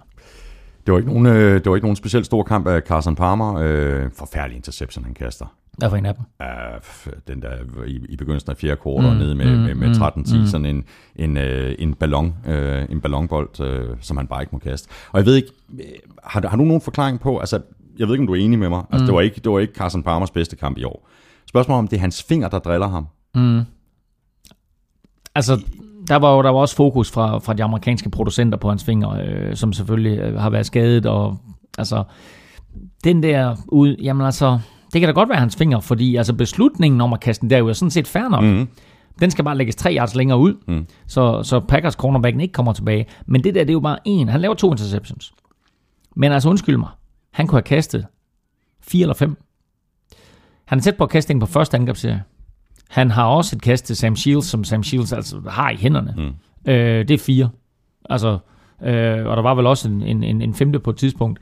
Øh, så kan man sige, er det, er, det, er det fingeren, eller er det Carson Palmers mentalitet? Fordi Palmer har selvfølgelig været nøglen, det har vi snakket om så mange gange, mm. til Cardinals succes i år. Det er klart, det har han, og det var han også sidste år, hvor Cardinals havde en god sæson, og da i et øjeblik han bliver skadet, så er sæsonen ligesom færdig for dem. Øh, han har været i stand til øh, at, at øh, spille samtlige kampe i år, men er så blevet øh, ramt på den der finger der. Øh, det kan godt influere, men den ting, jeg vil sige, det er også, at det man måske ikke tænker på med Carson Palmer, det er, at han er sådan lidt en all-or-nothing fyr. Han er lidt en stille og rolig udgave af Brett Favre. At han tager bare nogle chancer hister her. Han har ikke sådan Brett Favres galskab. Mm. Men han tager nogle chancer hister her med sin kast, hvor han siger, jeg ved, jeg kan trykke den derind. Og så trykker han. Og der må man bare sige, der er altså nogle forsvarsspillere, som bare lige læser den der, og så går ind og laver en interception. Øhm, Carson Palmer også på den måde, at han jo, nu snakker vi om, om Manning var en god øh, pre-snap read quarterback. Det var et meget, meget længere ord, tidligere vi sagde det. Øhm, det er Carson Palmer også. Og han er også en god post-snap read quarterback. Det vil sige, at han på de ganske, ganske få sekunder, han når at have bolden i hånden, inden han kaster, der er han altså blandt de allerbedste til at læse forsvaret. Og det betyder også, at han ganske ofte læser dem rigtigt. Men derfra, og så til at få bolden presset ind i et lille bitte vindue. Mm. Måske endda man skadet finger. Det kan godt være svært for. Mm. Og så er han heller ikke helt uheldig med det der touchdown til, til, til Michael Floyd. Vi har, Der øh, bliver battet op, og, og ikke- altså, vi har, vi har snakket meget om, øh, om statistik. Og hvis du ser på Carson Palmers statistik, så havde han været 300 et eller andet yards, og øh, tre touchdowns, og to Ja, interceptions, ikke? tre- 349 yards, tre touchdowns og to Ja, interceptions. og, de to, og de to af de touchdowns, ikke? Mm. Det ene, det er det der shuffle pass til Larry Fitzgerald, som principielt er et løb øh, i overtime, som vinder kampen for dem. Og den anden, det er en battet bold, der bliver slået op hen over hovedet på en... Øh, nå, der har du jo et øh, tæt på interception nummer 5, jo, ikke? Ja, ja. Altså, øh, som bliver slået op hen over hovedet på en Green Bay forsvarsspiller og ned i hænderne på Michael Floyd. Altså, lad os så lige sige, nu nu kaldte jeg ham Brett Favre før, ikke? Og, og, og, og det der kast der. Det første touchdown, han laver til Michael Floyd, det er jo en helt igennem vidunderlig bold, som ligger så smukt, og Michael Floyds fødder er så lækre. Mm. Og hvis man igen lige tænker tilbage på Super Bowl 43, Steelers mod Cardinals, Oj, oj, oj, oj, hvordan tabte Cardinals kampen? Det var lige præcis på den måde. Det gjorde de på et kast fra Roethlisberger til Santonio Holmes mm. i præcis det samme hjørne. Ikke? Med Helt- præcis de samme Helt fødder. nede i hjørnet. Ikke? Så øh, måske er det her Cardinals år. Morten Wienholdt, han spørger på, på Twitter, om vi vil bruge et par minutter på de uh, offset penalty situationer, der var i kampen. Især nummer to, skriver Morten, er priceless for en Packer-fan som mig. Mm. Det er jo sådan, så når, øh, når der bliver begået fejl af begge mandskaber i playet, så er det lige meget, om de begge to er 5 yard, eller den ene er 5, og den anden er 15, så annullerer de hinanden. Og øh, der må vi sige, at øh, der, var, der var et par situationer her, blandt andet en, hvor der var tre fejl på samme spil, og dommeren efter han var færdig med at, at ramse alle de her fejl op, alle de her straffe op, har sagde han så, and all those penalties offset each other. der er simpelthen så mange. Hold nu op med det der, dreng. Ikke? Vi er vel tør for flag her for helvede, ikke? Altså. Øh, men jeg tror, den anden, han refererer til, det var Patrick Petersons interception. Ja. Øh, hvor Patrick Peterson griber bolden på omkring 1 linjen øh, Og øh, igen, altså lad os lige gå tilbage til Super Bowl 43. James Harrison griber bolden på 1 linjen øh, i slutningen af første halvleg og returnerer den hele vejen ned øh, til, øh, til Steelers touchdown. Her er det Patrick Peterson, som griber bolden på 1 linjen og returnerer den, returnerer den hele vejen ned til touchdown. Men til sidst, inden han løber ned, fordi han ved godt, at den Green Bay spiller, der, der jagter ham, at han ikke har en chance for at nå ham, så, øh, så holder han lige bolden ud og, og håner ham lidt. Og der er dommeren lynhurtigt til at kaste et flag for en sportsmanlike conduct ja. øh, for at håne modstanderne. Og øh, derudover var der jo så en, var det en øh, legal use of hands, var det legal hands to the face, tror jeg det var, 5 yards straf, øh, imod Cardinals også, som gjorde, at det der spil, det faktisk blev annulleret. Øh, og så får de en 15 yards straf oveni, så altså et, et meget, meget interessant spil øh, for øh, et Packers-mandskab, som egentlig får touchdown imod sig, og så ender det hele med, at øh, de faktisk får bolden tilbage. Øh, de scorer faktisk kun field goal mm. på det der drive der. Øh, Men det er også en pointforskel på 10. det er en pointforskel på 10, men øh, et, øh, et stort play, som, som bliver omstødt, og hvor Patrick Peterson dummer sig, så uanset, altså, øh, uanset om, om touchdown det så får lov til at stå, så er det fuldstændig åndssvagt at gøre det der. Ikke? Men, øh, altså, ja, altså det er jo NFL's måde sådan ligesom at håndhæve på, hey, vi hunder ikke hinanden, og vi er lige gode venner, øh, selvom sådan, vi spiller en brutal sport, øh, og det skal man bare vide som spiller. Mm. Videre til øh, Patriots Chiefs. Der, har du en ting? Lige en ting, den sidste ting. Og det er, hvis vi kigger tilbage på sidste års NFC Championship kamp, som vi jo talte om også blev afgjort til at starte med på det allerførste drive i overtime. Mm. Der havde Packers jo fuldstændig Seahawks nede i sækken. Fuldstændig. Og tillader et eller andet fuldstændig latterligt comeback mm. øh, med et onside kick og så videre og så videre og taber i overtime. Det var principielt fuldstændig samme her i den her øh, weekend her. Fordi Packers på de chancer, de havde, præcis det her med den her med Patrick Peterson situation, de chancer, de havde, de chancer, de havde, der fik de ikke scoret touchdown. De scorede for mange field goals. Havde de scoret touchdown på de der situationer, og det er der, man vender tilbage til, at jeg sagde, at Packers skulle aldrig nogensinde have tabt den her kamp. Havde de scoret touchdown på de chancer, de havde, så havde Cardinals været væk.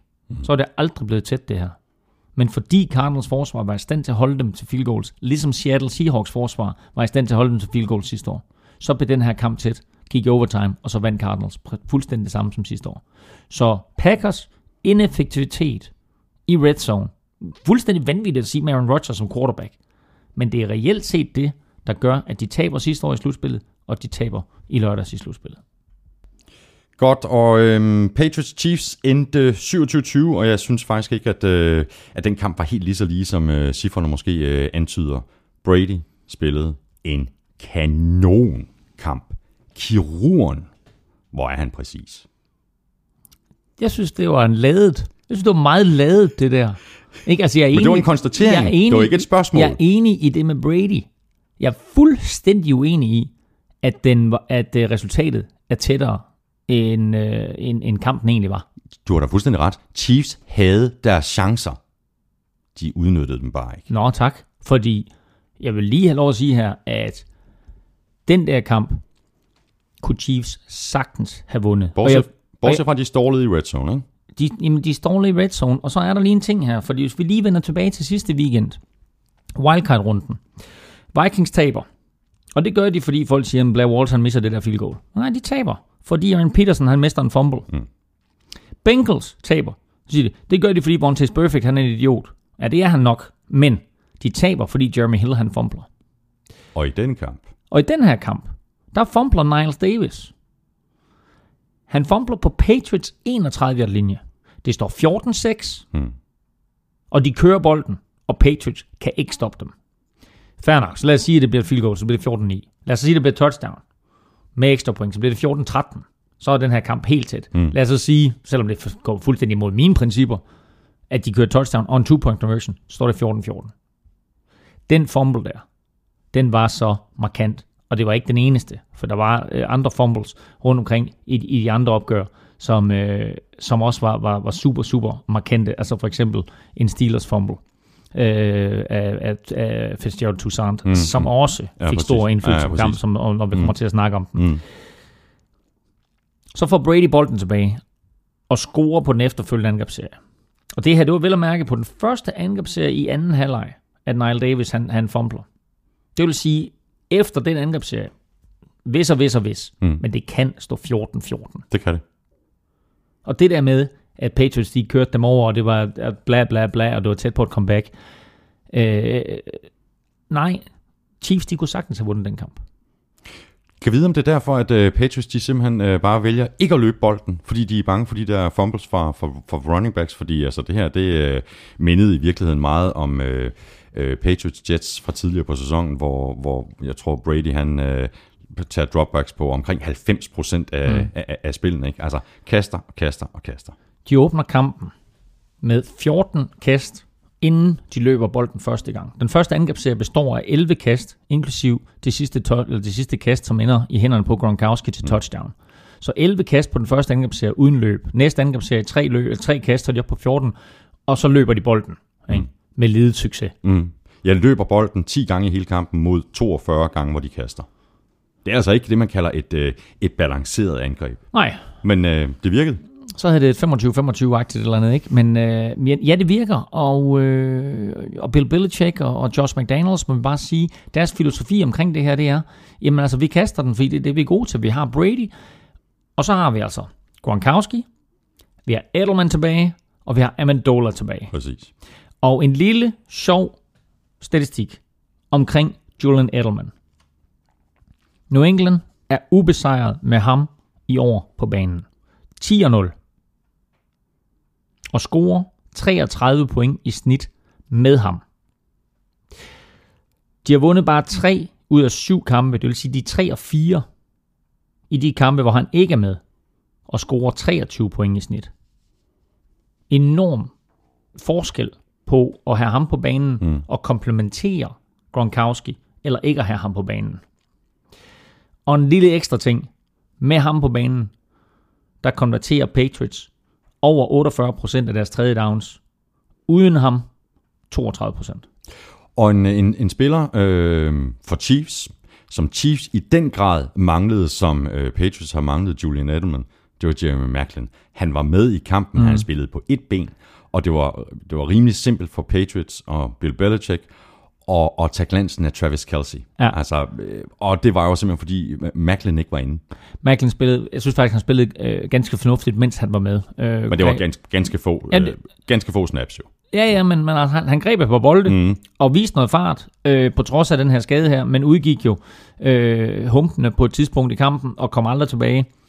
Og, i, og fra det øjeblik, øh, der var det, som du siger, forholdsvis simpelt for Patriots at fokusere på Kelsey. Og selvom, selvom der jo var to eller tre mand på Kelsey, så gik Alex Smith jo stadigvæk efter ham. Mm. Øh, desværre uden øh, særlig meget succes. Men stadigvæk, Chiefs flytter bolden. De løber bolden godt mod Patriots. De bruger nogle af de her knap så kendte receiver. Øh, og er jo altså... Hvis de ikke håndterer tiden så dårligt, som de gør inden for de sidste 5 minutter af anden halvleg, så er et comeback meget mere sandsynligt. Og endnu en overtidskamp meget mere sandsynligt, end det har været, hvis de har håndteret tiden bedre. Derudover, så scorer Cardinals på en battet bold, der ryger op i hænderne, hen over en forsvarsspiller og ned i hænderne øh, på øh, hvad hedder Michael Floyd. Patriots kaster bolden. Den bliver battet op, ryger hen over en forsvarsspiller for Chiefs og lander i hænderne på Edelman, der får en første down, og den første down gør, mm-hmm. at Brady og company kan tage knæ.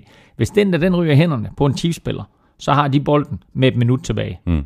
Altså, det er små ting, der afgør fodboldkampe. Ja, ja, og som jeg også øh, sagde sidste uge, altså hvis øh, Jeremy Macklin havde været 100% øh, klar, så tror jeg, jeg ville have valgt øh, Chiefs mm. i den her kamp. Altså for simpelthen fordi, at deres momentum med de her 11 sejre i træk, det var simpelthen så massivt, og det her angreb så, så faktisk ud til bare at fungere. Med Macklin på banen, der vil jeg våge den påstand, at spiller for spiller, selvfølgelig bortset fra quarterback, selvom Alex Smith har gjort det virkelig, virkelig godt, og, og faktisk spillet sin bedste sæson overhovedet mm, i, i sin NFL-karriere. Men spiller for spiller, så er Chiefs et bedre mandskab end Patriots. Og så var der et par, par situationer i den her kamp, hvor, øh, hvor netop Alex Smith han bliver ramt øh, sent et, et par gange, og der, altså, der kunne være blevet kaldt øh, roughing the passer på, på begge spil. Det bliver så ikke kaldt. Mm. Spørgsmålet er, vi har også talt lidt om det tidligere på sæsonen, det her med, at der er måske nogle quarterbacks, der vil få det kald, mens mm. andre quarter- quarterbacks øh, ikke får det. Var det her øh, et eksempel på, at øh, Alex Smith måske ikke er det største navn i NFL som quarterback, og de spiller på Patriots hjemmebane, så han fik simpelthen ikke de der kald? Nej, det tror jeg ikke. Jeg tror faktisk mere, det er et spørgsmål om, at det at løbe bolden selv, er så stort et aspekt af Alex Smiths øh, repertoire, dommerne måske giver øh, Patriots-spillerne et kvart sekund, et halvt sekund ekstra, fordi hvis han nu stikker af, så skal man lige være sikker på, at man rammer ham. Jeg er ikke sikker på, at, at det er den rigtige For forklaring. ellers Men, der var han ud over sidelinjen. Altså. ja, det er rigtigt nok. Der var den der, hvor han ude over sidelinjen. Altså, øh, og der tænkte jeg også lidt, hvor det, det, var, det var Hightower, øh, der, Jeg kan ikke huske, hvem det var, der, der- der, der, der- kørte ham ud over Ja. der, ikke? Øhm, det er rigtigt nok. Altså, den, den, den burde faktisk have, have, have, have været bedømt, men, men eller der, der burde have været kastet flag på den der, helt sikkert. Altså, den, han, kontakten sker inde på banen, øh, men taklingen bliver færdiggjort uden for banen. Mm. Og s- så der synes jeg nok, at, øh, at, øh, at de burde have kastet et flag på den. Har du mere til den her kamp, ellers så, så hopper vi videre til, øh, til Panthers Seahawks.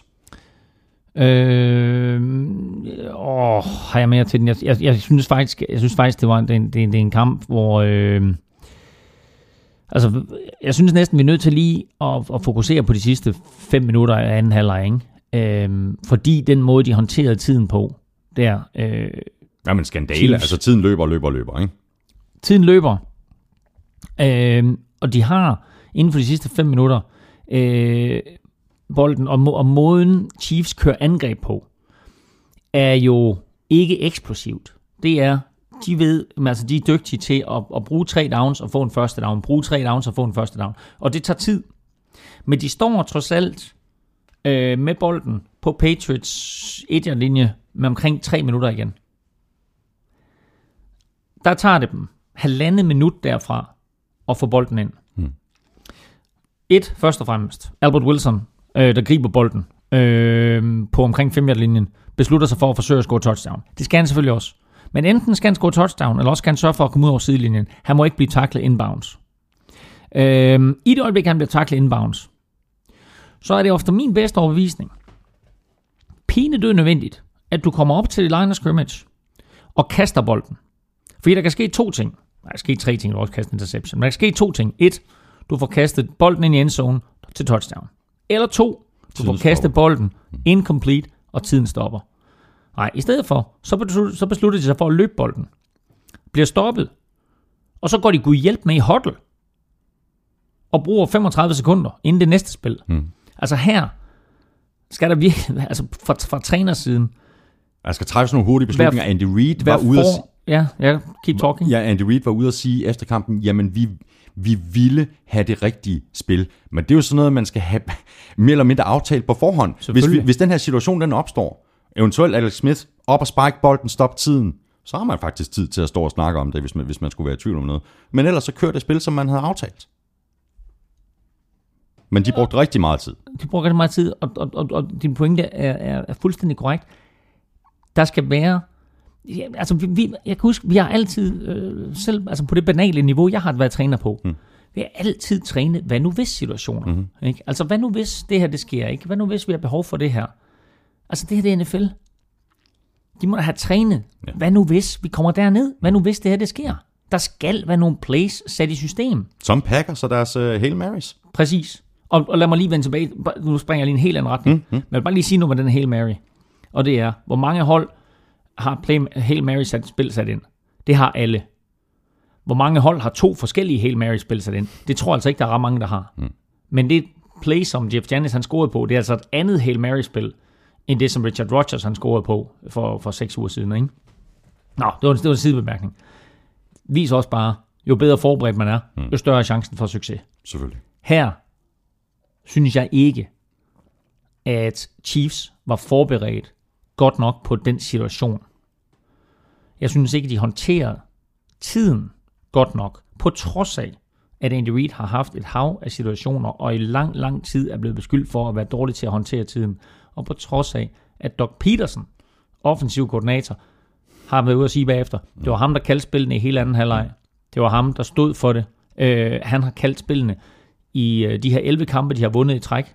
Der er en kaldt spillene i, i hele anden halvleg, og grunden til, at han kun har kaldt dem i anden halvleg, det er, fordi mange NFL-hold går ind og planlægger helt præcist, hvad er det, vi ønsker at gøre i første halvleg. Startede helt tilbage med Bill Walsh, som havde sådan et, et ark med, med de 20 første plays, de kørte. Mm. Så kunne man selvfølgelig godt variere for de 20 plays, og sige, okay, vi kører de her plays, men står vi så pludselig i en tredje down og, og en, og, og det play, vi har, det passer ikke til den situation, så kan vi lige gå væk, bruge et play, der passer til tredje down og en, og så komme tilbage til vores 20 plays, vi har legnet op. Det har jeg selv brugt. Det giver et enormt skønt overblik, øh, og en enormt god start på kampen, som regel, hvis man har valgt de 20 plays rigtigt.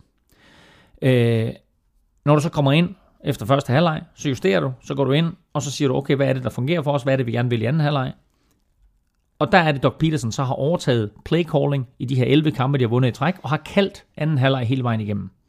Det har givet dem 11 sejre. Altså det kan man ikke tage fra ham. Hmm. Bum. Også derfor han blev ansat. Men den måde, han har håndteret de sidste to minutter på, øh, eller sidste fem minutter her, og i andre situationer, det er bare ikke godt nok. Nej. Og det koster principielt Chiefs sejren, eller i hvert fald mulighed for sejren. Nu skal de så ud og sparke onside kick, sparker bolden højt op i luften, men griber den, Gronkowski. Og så kommer det der er play, det. Ja, så kommer det der play bagefter til Edelman, ikke, hvor han griber bolden efter, den er battet op og får første down. Men altså, en bedre tidshåndtering af Chiefs havde også givet dem en bedre mulighed for at vinde kampen. Og med det, så hopper vi videre til øh, ja, en af de mest vanvittige kampe, jeg har set længe. Kampen mellem øh, Panthers og Seahawks, der sluttede 31-24 til Panthers. Russell Wilson han kastede to interceptions. Panthers førte 31-0 ved pausen og tabte så anden halvleg 24-0. Og der kan man jo virkelig tale om, øh, om kamp med to halvleje. Ja. Nej, Claus, ved du hvad, lad os, lad os bare nappe, øh, lad os nappe lidt spørgsmål om den her kamp. Der er faktisk kommet nogle Okay, spørgsmål. ja. Øh, Kenny Jensen, han spørger, hvad der skete for Seattles O-line. Hvad var det, der gjorde, at den kollapsede? Jeg ved ikke så meget, om det var Seattles O-line, der kollapsede, eller det var Carolina Panthers D-line, som var så vilde. Altså, jeg kan ikke mindes at have set en D-line spille på så højt niveau. Slet ikke i år. Det der, det var måske den bedste kamp af en D-line overhovedet i NFL i år. Der var konstant pres på Russell Wilson, og de to tillod ham ikke i hele første halvleg at slippe afsted. Jeg har aldrig set Russell Wilson være så under så meget pres, blive fanget så mange gange, blive sækket så mange gange. Jared Allen, en stor del af det. Men Kawan Short, hold op en kamp, han spiller i midten af Carolina Panthers defensiv linje. Mm. Uh, Ja, Star, Star, Star, Star Lutelay. Øh, ligeledes, ikke? Altså, Altså, det er jo dem, der, der, der dybest set er skyld i den interception, som, øh, som Luke Kuechly laver. det er det da. Ja. Ikke? Og det er det, fordi der igen og igen bliver lagt pres på, og så prøver Ross Wilson at improvisere til et eller andet, og kaster på Seahawks første angrebsbolden lige i hænderne på Luke Kuechly, som selvfølgelig læser den genialt, og, øh, og scorer igen igen. Øh, og altså, da jeg så det play, altså et, fint nok med alle de store drenge, og de der, de lægger, jeg, jeg så det play, og Luke Kuechly, han intercepter bolden. Jeg sad bare og sagde, Defensive Player of the Year. Mm. Og det er længe siden, vi snakkede om det første gang, Thomas, mm. at det niveau, han har spillet på i år, han sad ud i tre eller fire uger med en skade, og det kan godt være, at det, at det der kommer til at betyde, at han ikke vinder Defensive Player of the Year, men der er der ingen overhovedet, der har haft større betydning i øh, de sidste tre måneder for sit hold, end øh, Luke Kuechly har rent defensivt. Nu ville jeg ønske, at jeg havde sådan en øh, knap, der sagde, jeg synes, du har fuldstændig ret, men det, det ville lyde helt vildt mærkeligt, ikke? hvis, det, hvis det er dig selv, der Ja, ja, siger det. Nå, Claus, der er, øhm, der er to spørgsmål mere her, og, og de hænger faktisk lidt sammen. Øh, René Dahl Andersen spørger, hvad øh, Seahawks ændrede i deres gameplan, da de var ved at lave et comeback, og hvad ændrede Panthers eller undlod at ændre. Og Martin Brandstrup skriver, Panthers play calling i anden halvleg blev meget konservativ. De løb bolden på angrebet og kørte nærmest prevent på, på, på defense, hvor de tillod Seahawks øh, at få- yards for, for, for tid på mm. klokken. Mm. Øh, var, var det den rigtige beslutning, eller var det for konservativt? Det var lige ved at give bagslag. Altså, Seahawks kommer trods alt ud og sparker et onside kick. Uh, nu snakker vi om, at Gronkowski greb bolden for, uh, for Patriots. De fleste har jo en spiller uh, med rigtig, rigtig gode hænder til at stå og være den der spiller, som skal gribe et onside kick. Patriots bruger, bruger Gronkowski. Mm. Uh, Lions bruger Calvin Johnson. Hvem brugte Carolina? Thomas Davis, mm. linebacker. Mm-hmm. Og selvom det er et svært kick, og han bliver ramt, så håndterer han bolden helt perfekt. Altså det, det viser bare også noget omkring øh, altså det her talentniveau, som Carolina de besidder hele vejen rundt, og den værdi, som Thomas Davis har for Panthers. Altså øh, tænk sig, det er ham, der står der og skal modtage det her onside kick. Men øh, det var det, at han gjorde det til UG. Øh, når det kommer så tæt på, så kan man selvfølgelig begynde at stille spørgsmålstegn ved, eller sætte spørgsmålstegn ved, var det her, var det den rigtige beslutning. Men når du får en 31-0, så tror jeg, der er en ting, som går igennem hovedet på, på trænerne, og det er, vi skal herfra uden skader. Vi skal have den her overstået så hurtigt som overhovedet muligt. Så de gjorde det, at de løb bolden på angrebet, og, øh, og de spillede nærmest prevent på mm. forsvaret, mm. øh, hvor de sagde, godt, vi tillader ikke det dybe kast, vi vil godt tillade, at, at når I har bolden, at øh, så kan I løbe den lidt, og I kan complete nogle korte kast, øh, men vi sørger bare for, at tiden løber, og det kommer til at tage lang, lang, lang, lang tid at lave point. Og set på det faktum, at de skulle score minimum 31 point på 30 minutter, så holdt taktikken jo. Og jeg tror principielt, at jeg har gjort det samme, og hvis jeg tænker tilbage på øh, den anden Mermaid Bowl, øh, jeg vandt med, med Avedøre Monarchs, der var vi foran 28-7, og i det øjeblik, vi kommer foran 28-7, jeg var offensiv koordinator, så kom head coach Kimi V hen til mig og sagde, nu kører du tiden. Ikke? Han- vidste godt, at han skulle sige det til mig, for ellers havde jeg kastet bolden. Ikke? Men, så sagde han til mig, nu kører du tiden. Og resten af den kamp, der løb vi bolden. Men undskyld, Claus. Jeg er sikker på, at det virkede i Mermaid Bowl. Det her, det er NFL, mm. og modstanderen var Seattle Seahawks. Mm. Seattle Seahawks, Russell Wilson. som var, ja, som er mestre i at komme tilbage. Mm. Og du ved, når de kommer ud til anden halvleg, mm. nede med mm. 31-0, mm. så har de nok tænkt sig, altså man måske frygte, at de ville mere eller mindre, give op. Mm. Hvis de ikke gjorde det, mm. så ville de komme ud med 120 i timen mm. og give den max mm. gas. Mm. Men det gjorde de jo også. Mm. Der går altså ikke ret lang tid før, før de har, har reduceret til 31-14. Mm. Og så begynder man så ligesom der i tredje kvartal at få en eller anden fornemmelse af, du kan sådan mærke den der magi i luften, ikke? Mm. Jeg sad også og tweetede, og sådan noget, hold kæft mand, nu gør de det igen. Mm. Nu kommer de igen. Mm. Ikke? Og så laver de... Øh, øh, så laver de hvad det, hedder, fake punt på et tidspunkt, som de får fat, mm. de konverterer ikke, og så, jeg synes, de var alt for konservative Panthers. Det, det, det er fair nok, som du siger, nu skal vi ikke have nogen skader, men det var så tydeligt fra starten af anden halvleg, så nu skal vi bare have tiden til at gå, mm. nu løber vi bolden, vi er ikke engang interesseret i at få en første down nærmest. Mm. Altså, Er der, Det var- er der, er der et spørgsmål der er, der? ikke, nej, der er ikke noget spørgsmål. Jeg konstaterer, at jeg synes, de spillede alt for konservativt. Når man ikke Jeg scorer tror- nogen point ja. i en hel halvleg, så gør man i hvert fald et eller andet forkert. Jeg tror måske, jeg vil holde med dig i en ting, og det er, jeg, jeg, jeg vil godt have haft en scoring mere. Jeg vil godt lige have haft en scoring mere, så havde det været overstået. Nu blev det en lille bitte smule for tæt. Men altså, de trak sig sejrsrigt ud af det. Øh, og nogen, der siger udfald i en halvleg. Jeg siger, altså, den var lige til øllet, men Mhm. den holdt. Mm. Øhm, og, øh, og altså, det er vinderen, der skriver historien. Mm. Ikke? Og Panthers, de er i NFC-finalen. Havde været legendarisk, selvfølgelig, af, af Seahawks at komme tilbage. Jeg så kampen på Game Pass på en restaurant i St. Anton. Mhm. Vi havde barpladser. Og det, det, er altså, det, for dem, der har været i St. Anton og stået på ski, der er mange, de vil sikkert kende restauranten Hacienda. Altså, det er måske den bedste restaurant overhovedet i St. Anton. Vi sad derinde, ikke? Vi havde barpladser. Og vi sad og spiste i baren. Så du havde iPad'en med, eller hvad? Jeg havde min telefon med. Nå, telefon. Så jeg havde legnet min telefon op af et vandglas. ja. Og så sad vi ellers der og spiste. Og jeg sad, og, og dem, der var med, som, som måske ikke lige nødvendigvis var fodboldfans, de, sådan, de kunne slet ikke forstå, det var, at det var live. Er, er, er det live, det der? Er, er det direkte signal? Ja, det, det er direkte signal. Min eneste problem, det var, at jeg havde også Viber tændt.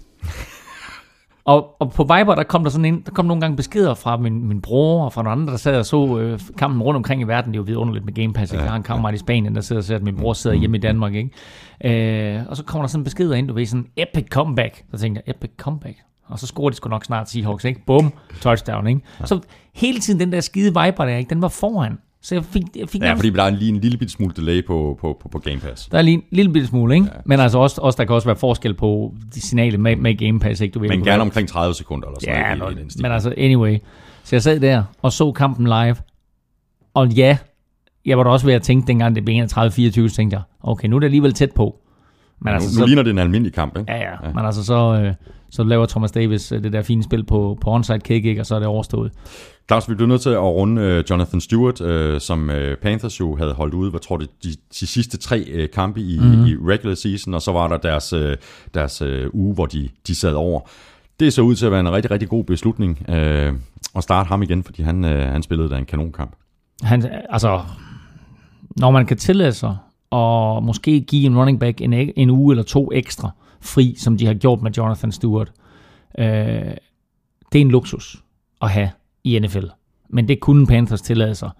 Øh, og det må vi sige, det har nok været den bedste beslutning, de overhovedet kunne gøre. Mm. Fordi øh, han kommer ind, og allerede fra første play, øh, hvor han jo løber, hvad er hans første play? Er det 75 yards? Eller noget i den retning, ikke? Altså, øh, og løber bolden ned på 1 linjen øh, og, og scorer selv umiddelbart, eller 5 linjen og scorer selv umiddelbart efter. Altså et kanonplay. Hmm. Øh, og viste god fart i stængerne, viste evne til at bryde taklinger, vel at mærke imod altså et Seahawks forsvar. Øh, så øh, Ja, han, Så- han, han løb for 106 yards, to touchdowns. Ja. Han er den første running back til at løbe for over 100 yards mod det her Seattle Seahawks øh, øh, forsvar i de seneste 27 kampe. ja, men altså 80 procent Har selvfølgelig det er lange løb, men, 80 procent af de yards kom så også på det første løb, ikke? men hey, det Ja, er ja. over 100 yards for første gang i 27 Ja, ja. kampe, ikke? Jo, jo, men altså, hvad er det, vi siger om statistik, Thomas? ja, ja. Lies, damn lies and statistics. Øhm, så ja, altså hans første løb, det første touchdown, og den første angrebsserie fra Seahawks, hvor Luke Kuechly griber bolden på en interception og returnerer den til touchdown. Bum, bum, bum, 14-0.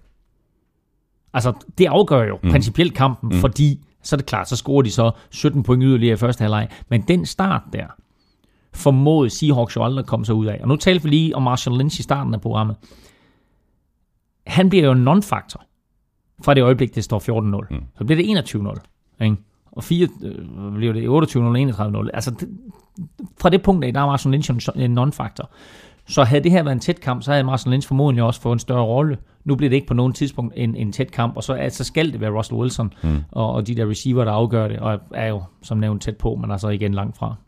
Og så synes jeg også lige, vi skal notere Cam Newtons øh, touchdown til Greg Olsen i andet kvartal. Øh, det kan man vist roligt kalde lige efter bogen i forhold til at kaste en øh, receiver åben i et område, hvor der ikke er ret meget plads.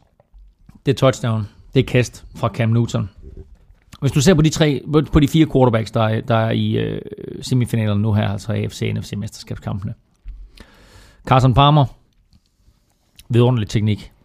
Øh, Peyton Manning, ikke specielt god teknik, men, men trods alt en, en, en konventionel quarterback. Tom Brady, noget af det øh, teknisk flotteste quarterback-eksemplar, der overhovedet er i NFL. Så har du Cam Newton. Altså, what the hell? Men hold op, altså han får det til at fungere, ikke? Han kaster på, han har jo den vildeste arm, ikke? Altså han er jo det vildeste fysiske eksemplar af ikke bare en quarterback, men jo altså nærmest et menneske. Jo. Mm. Altså, det er jo helt vildt at se på, hvad han kan. Og den måde, der han ligesom på bagfoden kaster bolden helt perfekt, i toppen af endzone, eller tre meter op i bagenden af endzone, og Greg Olsen går op og henter den der, ikke? Altså, sikke et touchdown. Og så står du altså over for et af NFL's absolut bedste forsvar, og Cam Newton, han er ligeglad. Han lægger den der på det eneste sted, den overhovedet kan lægges. Mm. Det er så imponerende. Det er det. Øhm, Klaus, bare for rundt den her kamp af. Øhm, Panthers head coach Ron Rivera har jo flere gange i løbet af sæsonen talt om, at Panthers skal blive bedre til at lukke kampe. Altså, der har været flere kampe, som har været ved at smuldre imellem fingrene på dem i løbet af sæsonen. Øh, der var kampen mod Packers, der var kampen mod øh, Coles, og så mener også, det var mod Giants. Mm. Øhm, være foran 31-0, og det så ender med at blive, blive spændende. Nu er de fremme ved NFC-finalen. Det må være noget, de taler om op til den her kamp. Hvad skal vi gøre anderledes i forhold til at lukke en kamp, hvis vi ender i mere eller mindre samme situation, og vi kommer foran, så skal vi altså blive bedre til at lukke det her. Mm. Det er klart. Øh, at, at det er klart, at det er et aspekt. Men når du så kigger på, at de har vundet 15 af 16 kampe i grundspillet, og de vinder den her kamp, altså ja, okay, det ender 31-24, og det ender med et onside kick, men altså, det er jo en vanvittig første halvleg, de spiller. Det er fuldstændig crazy første halvleg. Altså, det her det er bare et hold, der vinder kampe. Altså, og selvfølgelig er det ubehageligt at komme i en situation, at, at der rent faktisk er en teoretisk chance for, at vi ikke vinder den her kamp. Men de vinder bare kampe, øh, Panthers. Selvom det har været tæt på hister her. Den eneste kamp, de ikke vandt, det var den der over Falcons, hvilket er fuldstændig mærkeligt. Mm. Øh, men jeg tror faktisk nu, at det er ganske positivt for dem, for så har de ikke det der hængende over hovedet med en ubesejret sæson og sådan noget. Nu kan de koncentrere sig om at gå ud og vinde kampen, øh, og bare sørge for, at altså okay, prøv at høre, en kamp var 60 minutter, vi skal mm. bare sørge for at lave flere point i modstanderne. Og øh, øh, altså, sjovt ikke, at den her kamp endte, som den gjorde, øh, fordi den forrige kamp jo var et stort Panthers comeback, da de to hold, de mødtes sidst hvor Seahawks jo var stort foran, og så Carolina, altså Carolina og især Cam Newton jo spillede en fuldstændig vanvittig fjerde quarter, som vi talte om også i sidste uge. Mm. Øhm, så de har evnen til at vinde fodboldkampe, øh, og jeg tror faktisk også, og det kommer vi tilbage til, når vi snakker om, om spiller for danske tips, jeg tror også, at de kan gøre det igen i weekenden. Det tror jeg også. Broncos de scorede også flere point end øh, Steelers. Den kamp den endte 23-17, og hvis jeg var Steelers-fan, så ville jeg være træt af det, fordi de havde jo øh, masser af muligheder for at vinde den her kamp. Øh, de førte i fjerde kvartal, men endnu en gang så vi så, at det er rigtig dyrt at fumble. Du har været lidt inde på mm, det, Claus. Mm. Den her gang var det så Fitzgerald Toussaint, der, der var skurken. Han var skurken, og øh, det var han, fordi på det tidspunkt, der havde Denver lavet fire field goals. Brandon McManus havde scoret fire field goals i, i noget forfærdeligt vejr. Øh, så altså imponerende nok, han sparker fire field goals. Men det står 13-12 på det tidspunkt til Steelers. De kører bolden.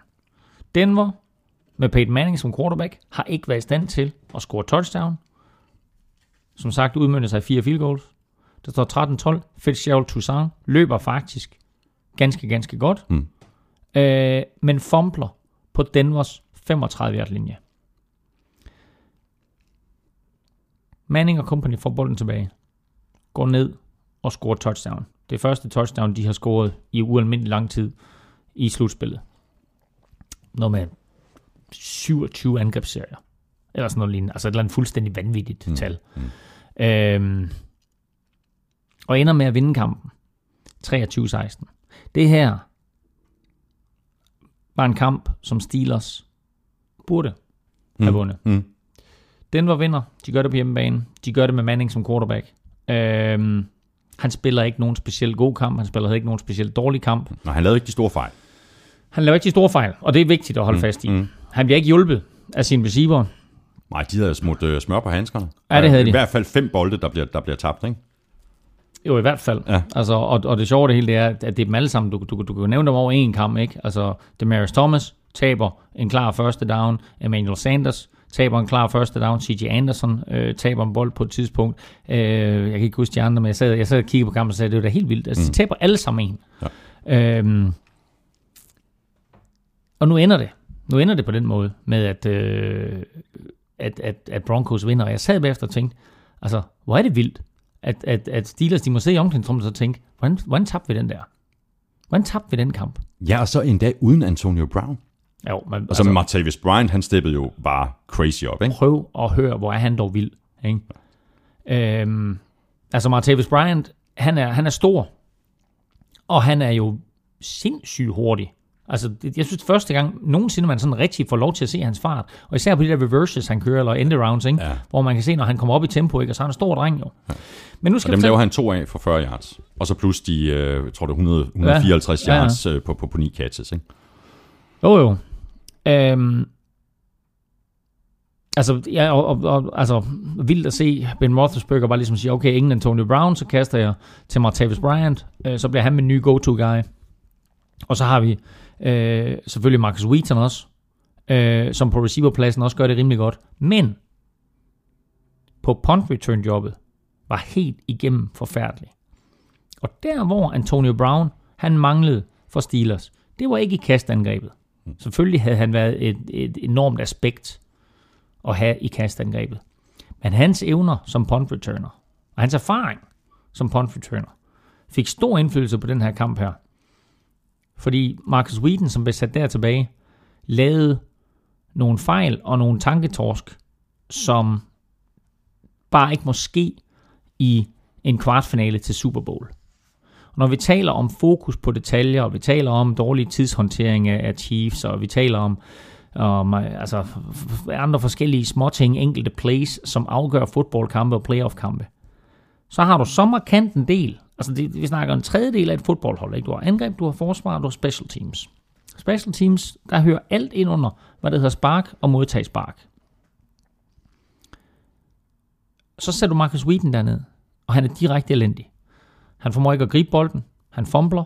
Han øh, glemmer, at han må blokere. Øh, som i stedet for, at bolden triller i endzonen, så er der en Broncos-spiller, der kan stoppe den på et linje eller tre linje, eller hvad det blev. Der er så mange små ting der. Og der tænker jeg, når Antonio Brown han er ude, og du ved, at han er ude, så må du have en bedre valgmulighed på punt returner end Marcus Wheaton. Og jeg tænker bare, øh, den her running back slash øh, kick returner, som Broncos draftede, eller som Steelers draftede sidste år, der hedder Dree Archer, som jo var draftens hurtigste spiller, og som godt nok er blevet sat på porten af Steelers, men stadigvæk var free agent, og stadigvæk havde mulighed for at blive hentet ind. Altså da han gik i college, der blev han Special Teams Player of the Year i den konference, han, han spillede i, i Mid-American Conference. Der blev han Special Teams Spiller of the Year. Du har ham. Du har ham på, på speed dial, ikke? Altså det kræver en telefonopringning, og så sige, prøv at høre, vi skulle bruge for din hjælp. Jeg ved godt, at så skal du til at rokere rundt, og du skal måske sætte en spiller på waiver og sådan noget, men der må være en eller anden spiller i periferien, som du kan sige, okay, ham kan vi godt, ham kan vi godt undvære. Og så sætter vi Dewey Archer ind. Mm. Til det ene formål, at han skal returnere nogle kickoffs, og han skal returnere nogle punts. Ja, for det var ikke godt at se på. Det er der, det afgjorde kampen for dem. Jeg skal bare lige slutte af med øh, rosenord fra Mike Tomlin øh, til Peyton Manning. Han kaldte øh, Peyton Manning, efter kampen kaldte han den for den ultimative playcaller. står meget godt. Øh, øh, går meget godt i, hånd i hånd med, med det, vi talte om tidligere. Mm. Og, og, og, øh, og det er godt set af Tomlin, men jeg tror, han vidste det på forhånd, og det er selvfølgelig også en eller anden form for, for respekt øh, til Peyton Manning, øh, måske også fordi øh, det her det var sidste gang Tomlin møder Manning, øh, hvor han er coach, og, og Manning er quarterback. Jeg ved aldrig, hvordan de kommer til at mødes igen. Men, øh, men Manning, om ikke andet, kan vi sige, øh, nu står han i AFC-finalen. og må vi se, om han, om han vinder AFC-finalen og får sin sidste Super Bowl. Men om ikke andet, så stor respekt fra, fra Mike, Mike Tomlin øh, til Peyton Manning her. Og så tager vi lige en øh, omgang spørgsmål øh, tweetet til øh, snabelag NFL-showet, eller sendt på mail til mailsnabelag De spørgsmål, som vi ikke allerede har øh, rundet tidligere i udsendelsen.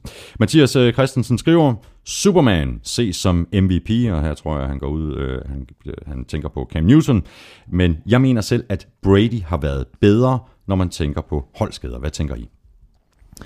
Jeg tænker, at Brady han begyndte at spille øh, quarterback øh, på regular basis i NFL i øh, år 2001. Vandt Super Bowl det første år.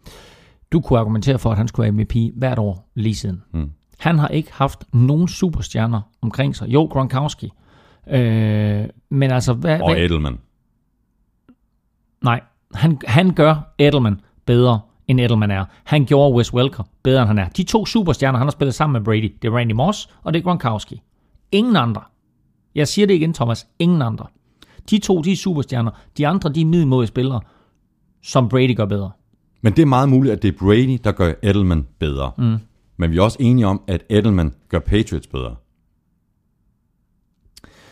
Ja, det gør de. Og det, de statistikker, jeg kom med tidligere, de fortæller også Edelmans betydning, men det er stadigvæk Brady. Mm. Det er stadigvæk Brady, og du kan stadigvæk argumentere for, at han skulle have været MVP hver evig eneste år, han har spillet ligaen. Fordi det, han har gjort med det personale, han har haft omkring sig, det er der bare ikke ret mange andre, der kan. Nej. Men omvendt så har Cam Newton jo heller ikke de helt store navne at kaste til. Han har typisk set Greg Olsen. Mm. Og hvem er så næst på listen? Ted Ginn? Jamen, jeg er helt enig. Altså, prøv altså, Altså- altså øh, og, og Cam Newton, ikke? Altså, øh, hans bedste receiver, Kelvin Benjamin, bliver skadet inden sæsonen. Mm. Og da det skete, der tænkte jeg, okay, ja. altså, nu kommer Panthers ikke ret langt i år. Øh, kan du huske inden sæsonen, der sagde jeg, prøv at jeg tror, Atlanta Falcons de får en stor sæson. Ja, ja. Og jeg sad og klappede mig selv lidt på ryggen. Åh, men det gik- det gik jo også meget godt den de var første halvdel, Da de ikke? var 5 0, ikke? Øh, den måde Cam Newton har spillet på, altså exceptionelt. Og han bliver MVP i år. Mm. Men jeg siger bare, argumentet for, at Brady kunne være MVP hvert år, eksisterer bare. Mads Samer, han øh, skriver, at han synes, at Patriots forsvar er meget undervurderet i forhold til deres reelle niveau. De var nærmest turned down af alle inden sæsonen på grund af deres secondary, men som har vist sig at spille lige så godt som da Reeves og Brown spillede. Hvad siger I til den påstand? Jeg siger, at Patriots forsvar er deres akilleshæl lige nu. Og øh, jeg tror, at de skal være glade for, at øh, det er en Peyton Manning, de er op imod, som er i sin karrieres efterår, og som ikke har helt sin fysiske formåen tilbage. Fordi hvis han, udover øh, de her rosenord for Mike Tomlin, som vi har talt om, at han er så dygtig til at, at, at læse et forsvar, hvis han derudover også havde haft alle de fysiske attributter, så var Patriots blevet kørt over. Nu tror jeg, det bliver en helt anden sag. Glenn Rasmussen spørger, hvordan øh, spillere, for eksempel ved en øh, fumble, undgår at blive mast til plukfisk i bunden af en bunke med 7-12 tons tunge mænd. Nå, men altså, der sker også ting og sager nede i, i sådan en bunke der. Altså, der bliver, Og der er også svinestreger. der er svinestreger, der bliver, øh, der bliver nævet, der bliver slået, og der bliver revet i bolden, og man har også hørt om nogen, som er blevet øh, øh, berørt, øh, lad os kalde det det, øh, på, på nogle øh, om, om to, omtålige områder. Øhm, men, øh, men altså, når man, når man ligger dernede, altså, det er jo stadigvæk nogle, nogle, nogle stærke drenge alle sammen, ikke? Så altså, bare fordi det er sådan, at du har en 4-5 spillere til at ligge ovenpå dig, det betyder ikke, at du bliver mast. Så har vi et spørgsmål fra Mathias Gerlov, der, der spørger, om der er nogen sandsynlighed for, at der i fremtiden kommer helt nye franchises, eventuelt nogen uden for USA's grænser, det bliver der jo talt om nu mm. øh, med Jaguars i London, eller er ligaen for lukket en fest til sådan en ændring? Altså, øh, Jeg tror faktisk, vi har været lidt inde på det tidligere på sæsonen. Ja, det tror jeg også. Altså, øh, Toronto har jo også været nævnt, øh, at, at, at de skulle have haft et hold. Øh, altså, Toronto ligger i Canada, men er jo så meget en amerikansk by, som, som mange andre amerikanske byer. Øh, London er en mulighed. Øh, der har været nævnt andre øh, byer i spil, øh, men øh, jeg kan godt lide NFL's konstruktion lige nu med 32 mandskaber. Og jeg tror, at de skal holde fast i, eller jeg, nej, lad mig sige, jeg synes, de skal holde fast øh, i den konstruktion. Men altså, når du får 550 millioner dollars for et hold for at flytte til Los Angeles, og der er to hold, der flytter til Los Angeles, det giver dig 1,1 milliarder dollars, mm. øh, uden at du har rørt en finger. Altså, så er der bare store penge i det her. Så hvis der kommer et 33. hold i, lad os sige, San Antonio i Texas, som siger, nu vil vi gerne have et hold, øh, og så siger NFL, ja, det er fint nok, det kommer til at koste x antal milliarder, ikke? Ja. Altså, så siger du bare ja tak. Mm. Altså, du ved, så, så må du så justere øh, turneringsplanen efter det. Men turneringsplanen, som den er nu med 32 hold, er jo helt genial. Enig. Så er der øh, afslutningsvis en, en mail fra en relativt ny NFL-fan, nemlig Lasse Meinicke. Han har fulgt NFL i tre år. Tillykke med det, og velkommen i klubben. Og Lasse skriver, at han har svært ved at vælge et hold at holde med. Han er kæmpe fan af Tom Brady og alt ved Patriots organisation. Så hans spørgsmål er, kan jeg virkelig være fan af Patriots uden at være en såkaldt bandwagon-fan? Nej, Nej, præcis. Men der er vel ikke så meget andet at sige til det, at hvis han, hvis han ikke kan vælge, så må han vente ind til maven fortæller ham, hvor, øh, hvilket hold han skal vælge. Eller også må han vælge Patriots, som han hælder til nu, og så holde fast den dag, det går ned ad bakke. Den dag Brady han trækker sig tilbage, mm. og det går ned ad bakke. Welcome to reality. Præcis. Ikke? Men ellers så vil jeg svare, øh, uden faktisk at sige et enkelt ord. Øh, og det er, øh, dit yndlingshold, men vend fremover.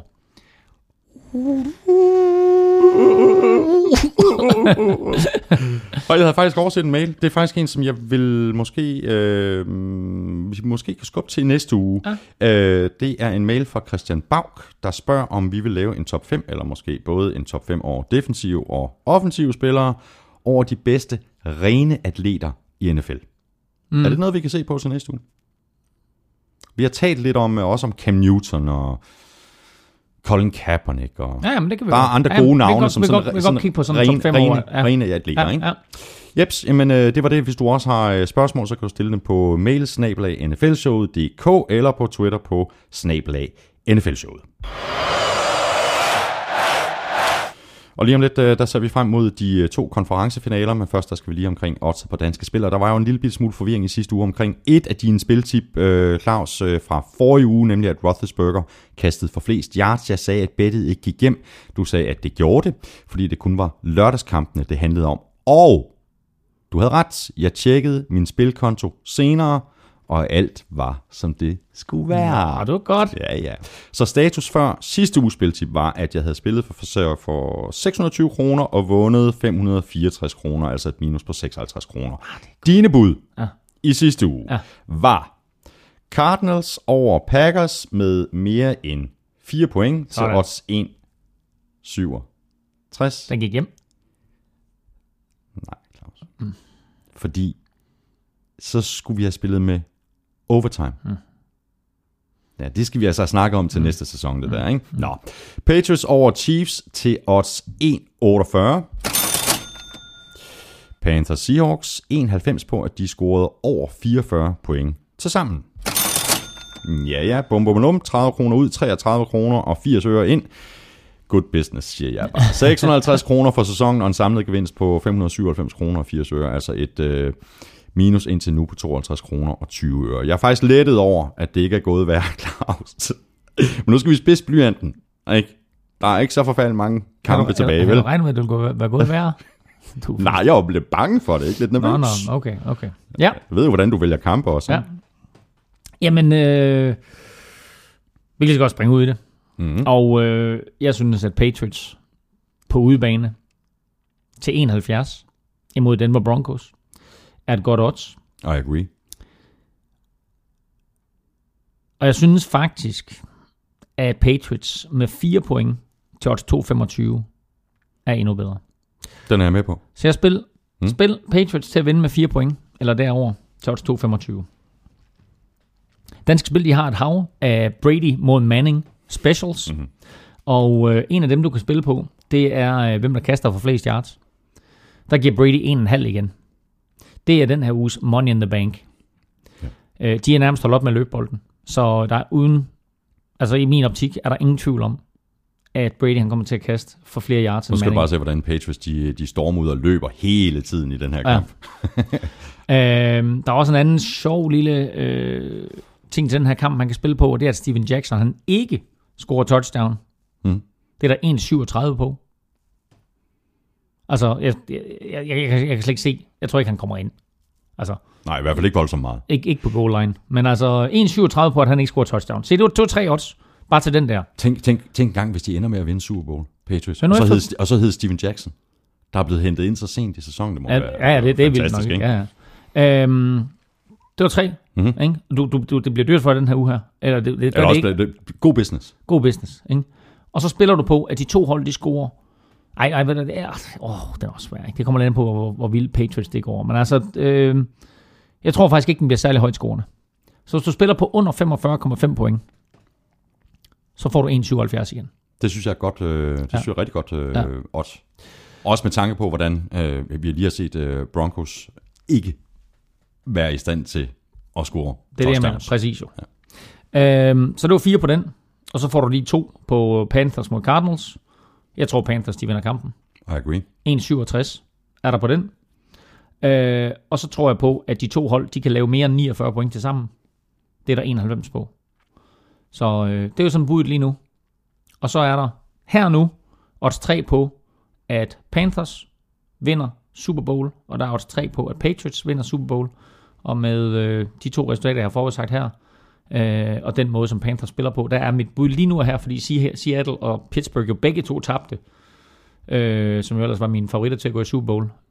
Så er der også tre lige nu på Panthers, og det er mit umiddelbare gæt lige nu her. Men spil på de første seks, jeg gav dig. Det gør jeg. Og øhm, det kan du også gøre. Gå ind på øh, oddset på Danske Spil og fyr den af.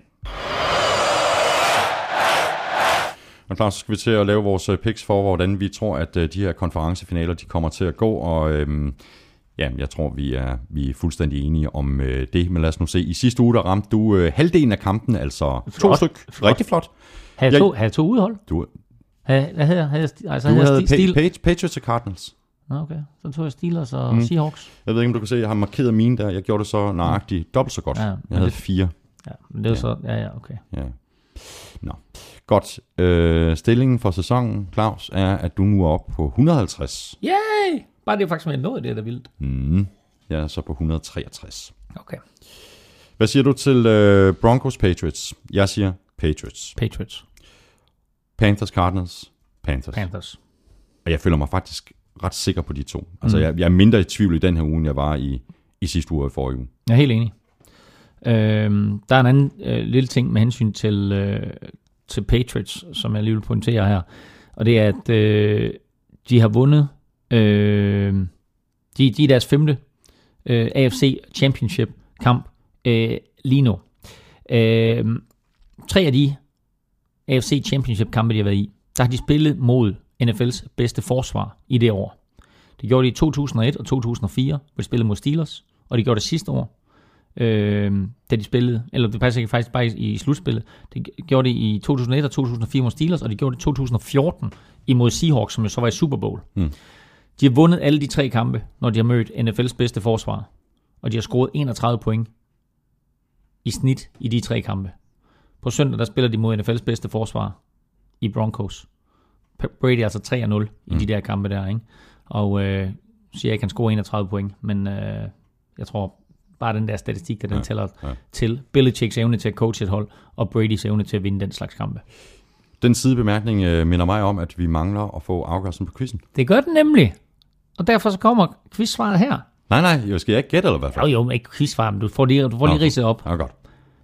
Belichick og Brady har været sammen i 15 sæsoner, mens Brady har startet som quarterback. Hvor mange gange har de været i AFC-mesterskabskampen? Og det bliver et skud. Jeg siger 9. 9. Ja. Brady har startet 15 sæsoner. Har skadet den ene. Det vil sige 14 sæsoner har han principielt været quarterback for Patriots. Det er det deres 10. Nej, det er helt vildt. 10. Det er. AFC-finale. Ja. ja, det er helt crazy.